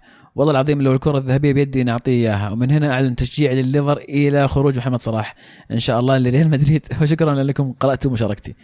شكرا لما لمشاركتك شكراً محمد. مشاركتك يعطيك العافية. أيضا رائد يقول فالفيردي مدرب مميز تكتيكيا وإذا أخطأ يعدل خطاه بشكل سريع. وهذا أسلوب نادر جدا من المدربين والنادر أيضا ما يقدمه الأسطورتين ميسي وإنيستا. أضعاف ما يحتاجه المشاهد من متعة كروية. زمن سنفتقده كثيرا في كرة القدم. اجري إحنا يعني إحنا للأمانة في زمن ميسي وزمن رونالدو محظوظين جدا إن لاعبين زي ذولي جو في نفس الوقت. وأكثر ما يقهرني إنك تقعد تضيع المتعة في إنك تقارن. هذا جاب مدري كم هدف وهذا جابها في أقل مباريات وهذا جاب يا عالم استمتعوا لأن صدقوني لاعبين في نفس الوقت استمتعوا. ترى شيء نادر مرة. بس يمكن المقارنة هي اللي تخليهم يطمحون لأكثر. فعلا. أتفق أكيد أكيد مم. بلا شك بلا شك. آه مستر مودي يقول هل هتتابعون بطولة أبطال أفريقيا؟ أنا الأمانة إذا يعني في أدوار النهائية فقط. يعني يا النهاية أو نصف النهائي. قبلها والله يعتمد. المجموعات يعني اذا إذا كنت فاضي أشوفها. بس آه، يا لما توصل النهايات لازم أشوفها. البايرن يسقط في فخ لايبزيج بعد حسم الدوري. فين تتوقعوا يروح تيمو فيرنر في نهاية الموسم. رسالة أحب أوجهها لشراييني تتقطع من الحلقة اللي فاتت. لو ما عجبك كلوب هاته وخذ شتوغر حلو شغال زين. كلوب أخذ سنتين عشان يجيب بوندسليغا Premier League. ال Premier League غير عفوا. أعتقد كلوب أخذ ثلاث سنوات. أو جابها في السنة الثالثة في في البوندسليغا.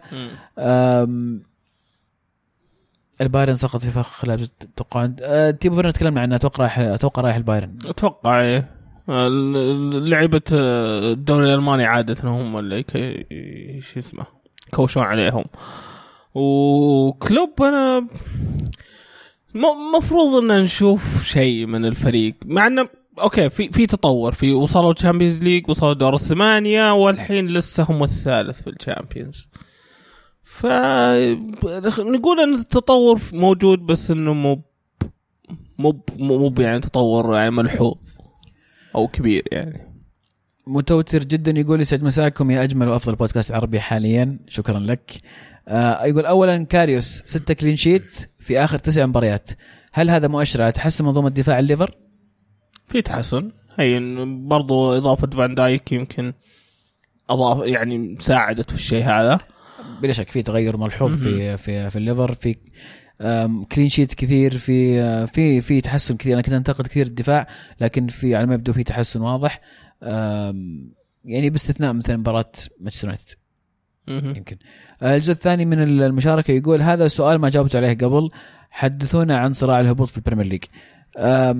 تحب تتكلم عنه؟ أنا عارف إن المهند مهتم جدا في صراع الهبوط فممكن نأجل هذه لين يجي المهند الا إذا عندك والله أنا. أشوف إنه أحسن لو مهند. أنا ما ما تابعت السنة هذه صراحة. عادة والله تابع الهبوط يكون حماس. إيه. حماس. حماس. فما بقى الا أخذ ثمان مباريات الحين. في أفريقيا باقي لها سبع مباريات فالمفروض يعني. هذا وقت الحماس. ريان يقول ميلان بيلعب مع العجوزة والسحالي. مقبولة. طيب يا ريان طيب. هل يقدر يجيب ست نقاط؟ وتعليقكم على اللقطة اللي حكم ميلان كييف وراح شاف الفار عشان فاول في نص الملعب.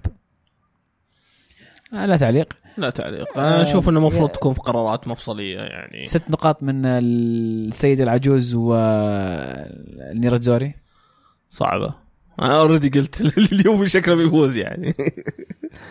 آه ست نقاط أتوقع صعبة في المباراتين لأنهم بدأت ما بينهم إلا كم يوم فأتوقع إنها صعبة.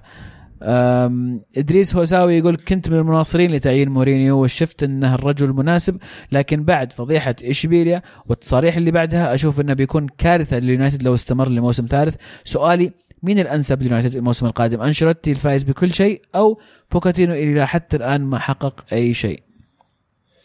أنا أشوف بوكيتينو أحسن. بوكيتينو بال بنظام لعبه أحسن يعني لما يكون عنده آه، لوكاكو بوجبا آه، آه، ماتيتش وسانشيز بيوظفهم بالطريقة الصح بيلعب لعب هجومي بتشوف يونايتد أحسن.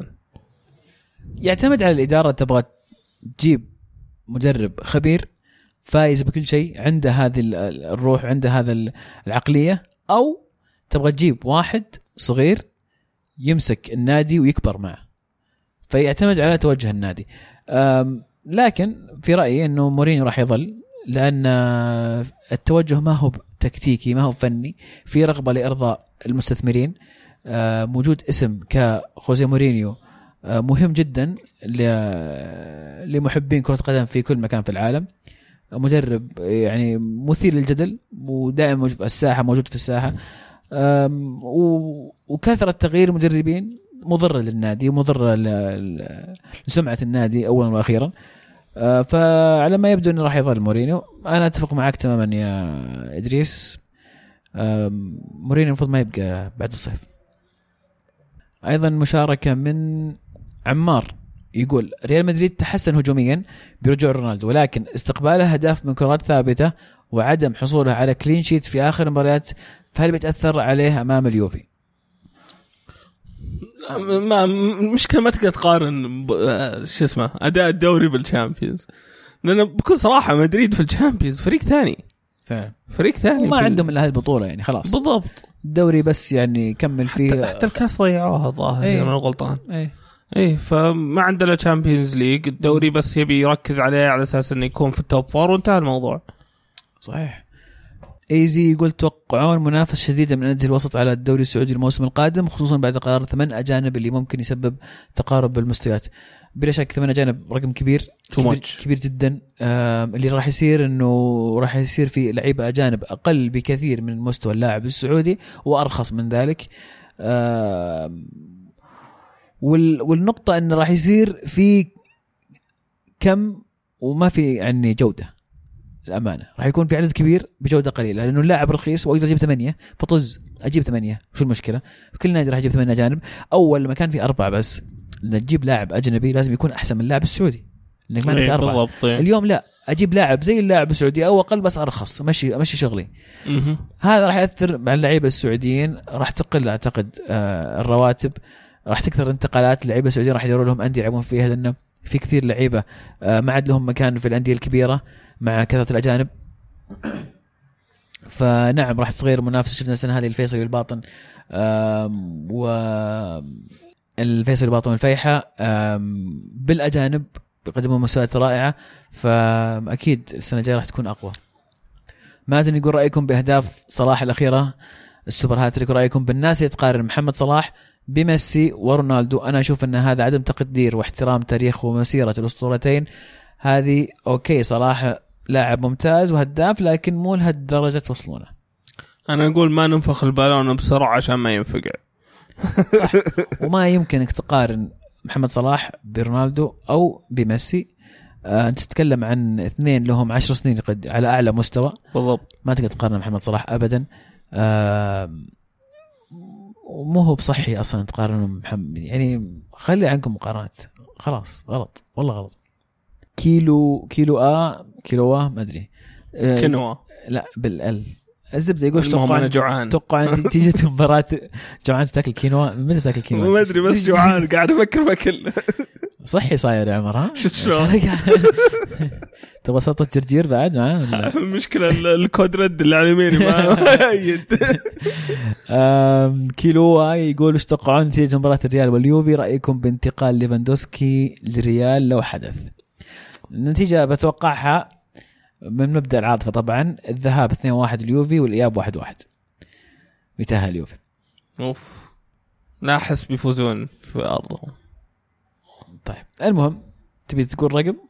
لا ما ما أقدر أقول رقم طيب. انتقال ليفاندوسكي لمدريد أتوقع إنه يا أخي تكلمنا عن الموضوع إيه، كثير يا أخي. رغم رغم إنه لاعب كبير لكن أعتقد إنه راح يكون مفيد جدا لهم إيه مهاجم فتاك طيب مبارك يقول مرحبا شباب اسمي شراييني تتقطع للميلان شفنا الميلان شفنا الميلان في الدوري الأوروبي ووافق عبد الله إن الفرق واضح جدا بين الفريقين ميلان تقريبا ما فيه غير تشالانوغلو اللي بالمستوى والباقيين تعبانين رغم الفوز في المباريات في مباريات الدوري.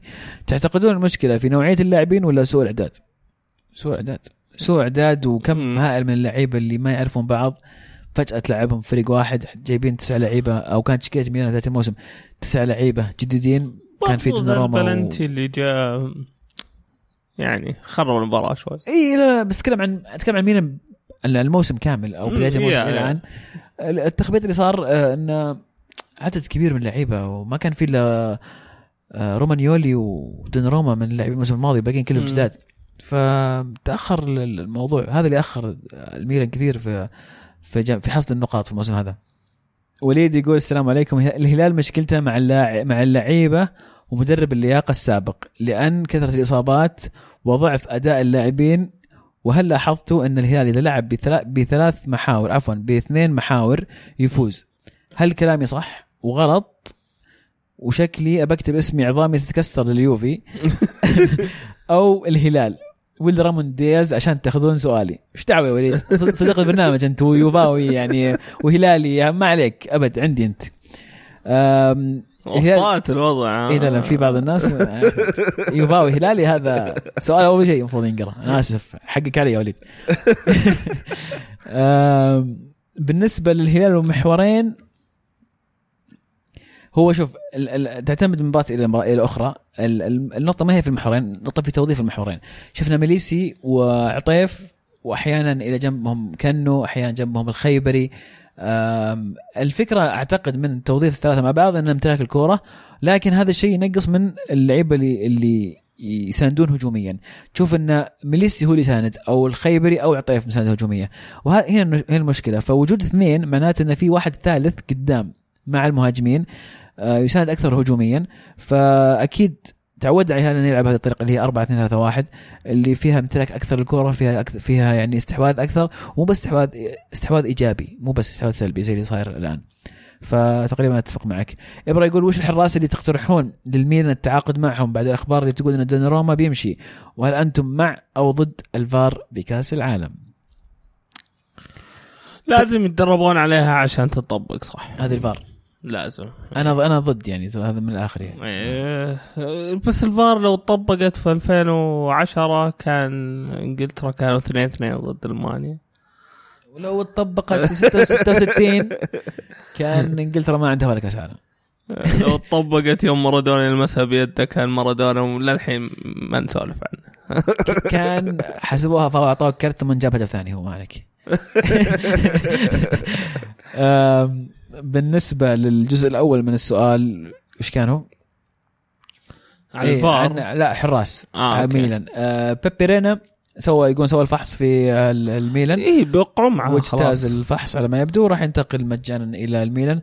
آه الكثير يقول إن هذا يعني دراما, دراما ماشي وفي كثير يقول لا والله ما هو له دخل. شوف بيبي رينا احتياطي في بايرن ميونخ ممكن نشوف احتياطي في ميلان ليش لا؟ دوناروما عموما مستوى نازل إيه بس الميلان ما هو بايرن ميونخ و ولا ويعني تجهيز الحارس تحسسك انه خلاص هم ضامنين إنه بينباع يعني من بدري قاعد يجهزون بيبي رينا والله غريب صراحة. شوف أنا حتى خيارهم غريب إنه يكون بيبي رينا هو الخيار آه دوناروما نزل مستوى كثير غلطة كثيرة صح. فحتى سعره طاح يعني أبو عابد يقول هل توتنهام يستطيع تحقيق كأس الاتحاد ولا تشيلسي يونايتد أقرب؟ طبعا يستطيع أكيد. كل كل الفريق عنده الفر- فرص هل- حتى ساوثهامبتون آه آه يعني مو مرة صادق ويجن سواها هذيك السنة. طيب آه على طريقة عبد الله خامس الدوري الإسباني يفوز على ثاني الدوري الإنجليزي يوريك الفرق بين الدوري الإنجليزي والإسباني. آه مدريد توتنهام. آه لا آه خامس الدوري الإسباني اللي هو إشبيليا. إيه. فاز على ثاني الدوري الإنجليزي اللي هو يونايتد. آه يا okay. يوريك الفرق لأنه هو عبد الله إيش قال؟ يوم فاز أرسنال على الميلان. على كان السادس. يا أنا ما جت إيه. كلامه صراحة بس يا. لكن آه يعطيك العافية لوكا. صح عليك. حجر له ما عليك. عجل له. أنا معك. آه أنس يقول رأيكم في من يترك تمثيل بلده الأم ليلعب مع منتخب أوروبي مثل بن يدر اللي رفض تمثيل تونس في تصفيات كأس العالم وتم ضمهم مؤخرا لقائمه منتخب فرنسا. هل تعتبر خيانة لبلده أم لكم وجهة نظر أخرى؟ وشكرا لوقتكم. يا أخي يعتمد على الشخص. يا أخي لو الشخص رابي هناك وما ما يعرف ديرته الأولى أنا أشوف إنه عادي. ما عندك أي مشكلة. لو شخص منحاش من ديرته كان مضطهد هناك وراح لديرة ثانية وقام يلعب لهم بالعكس أحييه على هذا الشيء. يعني زي في الشخص اللي تقريبا نفس السالفة بس يعني الناس تناظر الموضوع من المنظور ال- ال- اللي من فوق وما تشوف التفاصيل. يعني عندك لاعب يونايتد الصغير اللي اللي أمه مشردة الظاهر أو يعني جالسة في هوملس آه قاعدين يذمون إنك ما كيف ما تشيل أمك. آه تخلت عنه وهو صغير. ويعني وراح آه، تبنوه ناس وكبر عندهم وذا يعني هذه مو بصدق أم له فالشخص اللي اللي يختار جنسية ثانية يعني ممكن يكون هو ما يشوف إن هذا صدق بلد له. فأنا أشوف إنه عادي.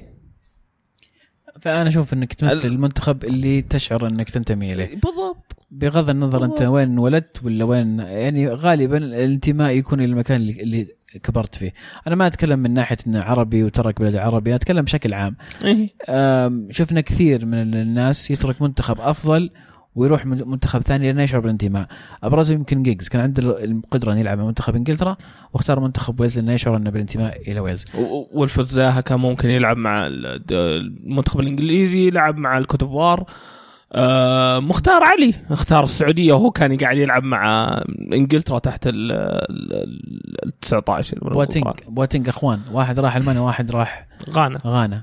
ففي الأخير أعتقد أن الموضوع عائد إلى شعورك بالانتماء. قد يغلب على اختيارك آه، وين ترى النجاح أقرب لك هذا شيء ثاني. لكن ما أعتقد أنه يعني آه، ندخل في نوايا اللعيبة ونقول بالضبط بالضبط ما, ما, ما, ما تقدر تناظر الموضوع من فوق. وانت مو قاعد تشوف التفاصيل وتحكم صحيح طيب شبيح مورينيو يقول جاهز؟ جاهزين جاهزين شبيح مورينيو يلا نبي نشوف عذر الحين ما الذي يريده المانشستراوي؟ هل يظن تحقيق الوصافة والوصول لدور 16 فشل؟ خصوصا مع فريقه السيء آخر أربع سنوات. يوم كنت أقول مورينيو جاء لفريق متهالك كنت أعي ما أقول وهو سبيشل 1 يتفق معي. وعزيز المانشستراوي لا تصدق عمرك فريق مضروب يحتاج إعادة هيكلة والإعادة ما تجي بسنتين. أتوقع أي مانشستراوي يبي من مدربه يحترم تاريخ فريقه فقط.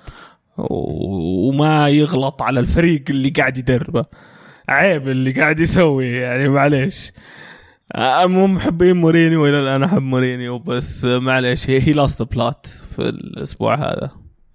تحقيق الوصافة وصول دور 16 فشل؟ نعم. نعم. نعم. انت أنت مورينيو مو متعودين عليك سنة ثانية تجيب بطولة. بطولة يعني كبيرة. إريك جريتس يقول شكل المشاكل بين مورينيو والمانيو زادت واحتدت. أنا أقول مورينيو خل عديمي الشكر ذولا وتعال لمنا. مورينيو لا يحظى لا يحظى بتقدير بالدوري الإنجليزي ابدا لو يلعب زي كلوب كان الناس طبلوا له بس عشان أسلوبه كذا الناس يدورون عليه الزلة. طبعا أريك جريتس مشجع انتراوي آه okay يا. أتوقع انتراوي يبي مورينيو حاليا. فعلا. العشق ما زال مستمر ما لهم صراحة. لين يرجع ويخبط وثم اي شو اسمه يجيك لها يقروش كنت يكسر قلبك وخاطرك وبعدين تقول يا الله إلى ما جاء. طيب محمد زعلان علي شوي خلينا نقرأ مشاركته يقول الأسبوع الماضي وصفت جاتوزو بالمتخبط يا عزيز. أي تخبط؟ والرجل وصل نهائي كاس أخرج منه لاتسيو والإنتر وآخر تسع مباريات بالدوري محقق 25 نقطة كأكثر فريق مع يوفنتوس في الدور الثاني. قم من كرسيك الآن وصفق لمربع جاتوزو. مشوار. مشوار. النقطة الثانية يقول هل تعتقد من الممكن إذا وقع ميلان مع كونتي تدفع بوما نصف الراتب مثل ما حدث فترة تدريبه مع إيطاليا خاصة وأن بوما الآن وقعت عقد مع الميلان من الموسم القادم؟ آه على السريع النقطة الأولى بس. أنا مدحت جاتوزو مدحت آه توظيفة للعيبة في في آخر آه كم فترة. أيضا مدحت البداية الممتازة السنة هذه للميلان.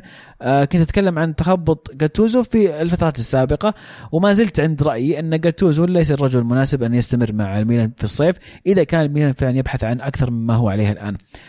نعم الرجل مجتهد نعم الرجل أفضل قدم أفضل مما يقدم كان يقدمه مونتيلا. وظف اللعيبة بطريقة ممتازة اعطى أعطى الفرصة للعيبة آه، صغار بالمشاركة اثبت جدارتهم.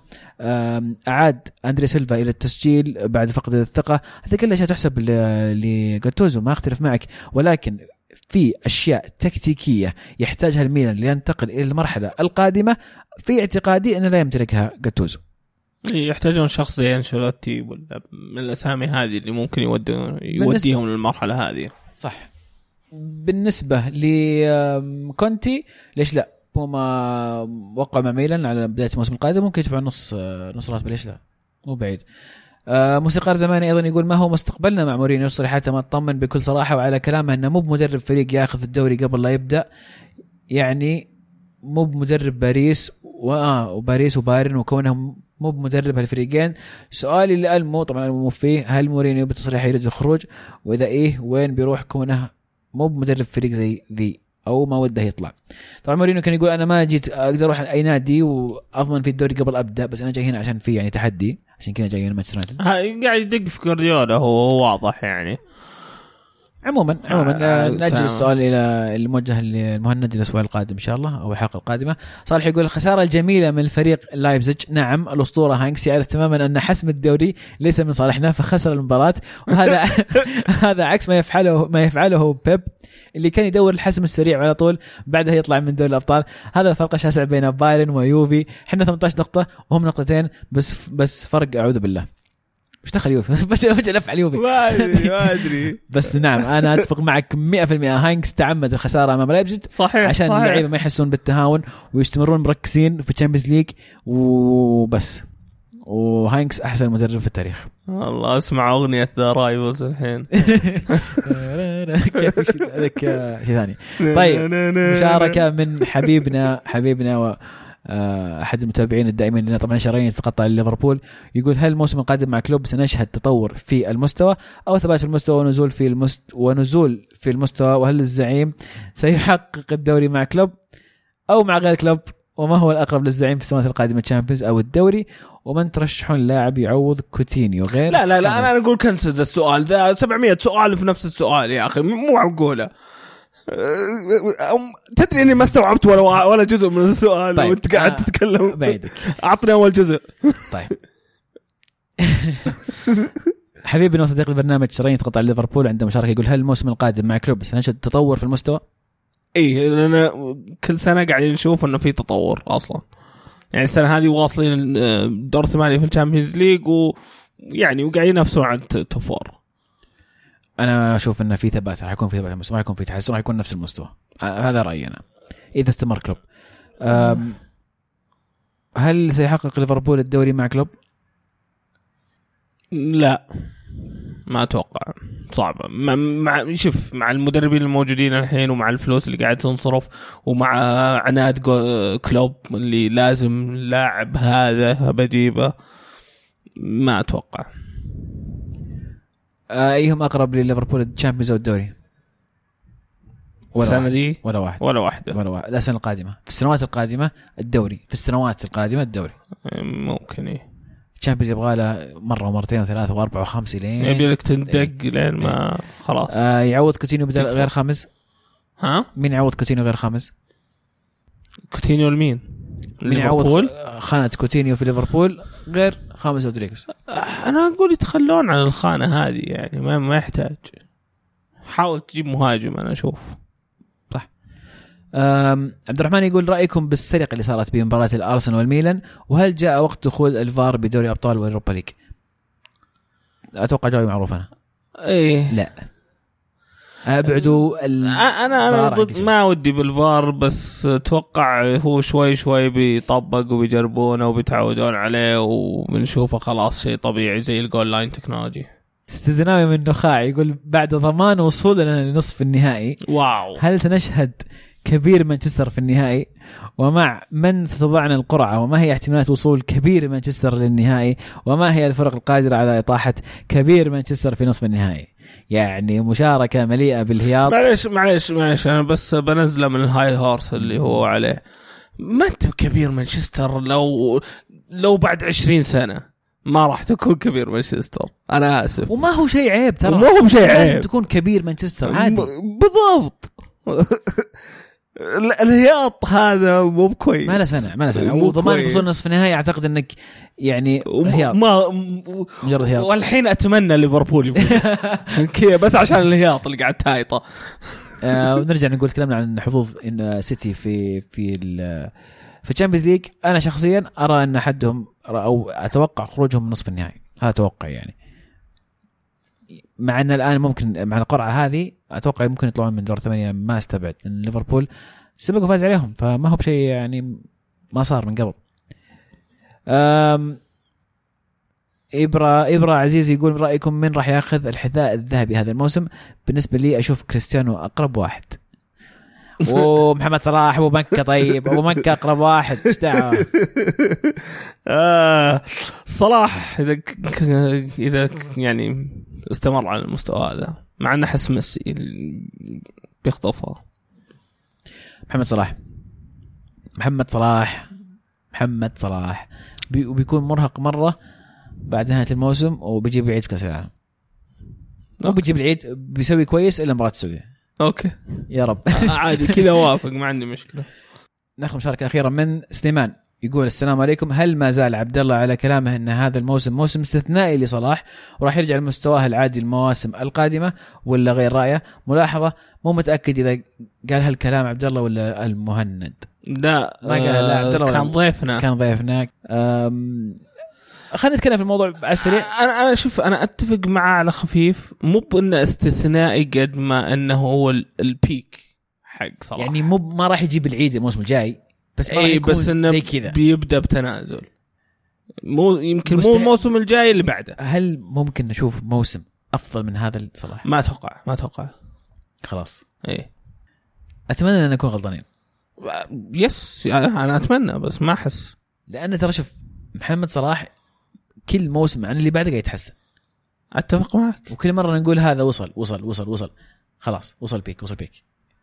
وصل إلى قمة لا مستوى. أنا ما عني ما قلتها صراحة. بس أنا الحين قاعد تقول. أنا ما أقدر أشوف إي يعني ما قلتها قبل. أنا ما أقدر أشوف شيء أحسن يعني ش- إنه صلاح يقدر يسوي شيء أحسن من اللي قاعد يسويه الحين. والله أتمنى نكون غلطانين. أتمنى. هو شوف هو مو بأن توقع لا بس إن اللي وصل له لصلاح الآن شيء مرة خرافي شيء مرة رائع.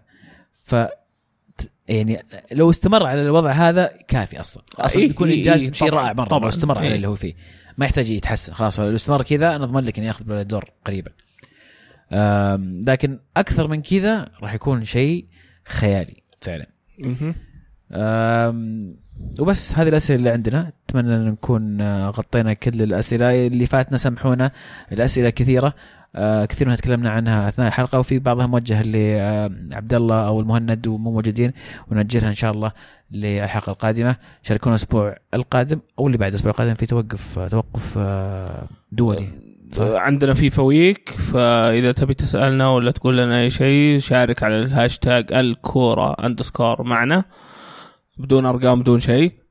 آه ولا تنسون تسوون آه subscribe لليوتيوب للإنستغرام للف... للتويتر. السناب شات كل شيء كل شيء. و iTunes روحوا صح. سووا لنا اشتركوا حتى ادخلوا SoundCloud. فعلا. بالذات اللي. يسمعونا أنا أدري في ناس كثير يسمعونا من زمان. اي آه طبعا هم السبب الرئيسي اللي إحنا أصلا نقدم هذا البودكاست وشاكرين لهم. آه ندري إن في كثير يسمعونا ما يشاركون بس يسمعون. لأن أدري إن الحلقة لما تنزل على طول في ناس يسمعونها حتى قبل ما نغرد. آه نذكر ترى الحلقة تنزل فجر الثلاثاء. دائما الحلقة الساعة واحدة الفجر ثنتين الفجر تقريبا أو يمكن قبل بعد تكون نازلة. لكن التغريدة ما تجي إلا من اليوم الصباح. الثاني الصباح أو الظهر. فاللي مشترك في ال SoundCloud أو في ال iTunes ومشغل التنبيهات راح يجيه على طول إنها نزلت. أدري في ناس كثير يسهرون في ناس يسمعونها الصباح وهم رايحين دواماتهم. فشكرا لكم. ادعمونا إذا تقد- إذا تقدرون عندكم الوقت. آه، أعطونا تقييمكم في SoundCloud في ال iTunes. آه، انشروا الحلقات. آه، إيش بعد؟ و- التقييم ساعدنا واجد. ي- فعلا. يظهرنا لناس ثانيين غيركم. صحيح. يمكن ما, يشوفنا. وشاركوا شاركوا أخوياكم. إذا في إذا في أحد يحب الكورة قل له قد سمعت البودكاست هذا بيقول لك وش بودكاست؟ بتشرح له وش البودكاست. سريع تعطيه link ويسمع الحلقة. و إن شاء الله يستمتع فيها إن شاء برضه الله.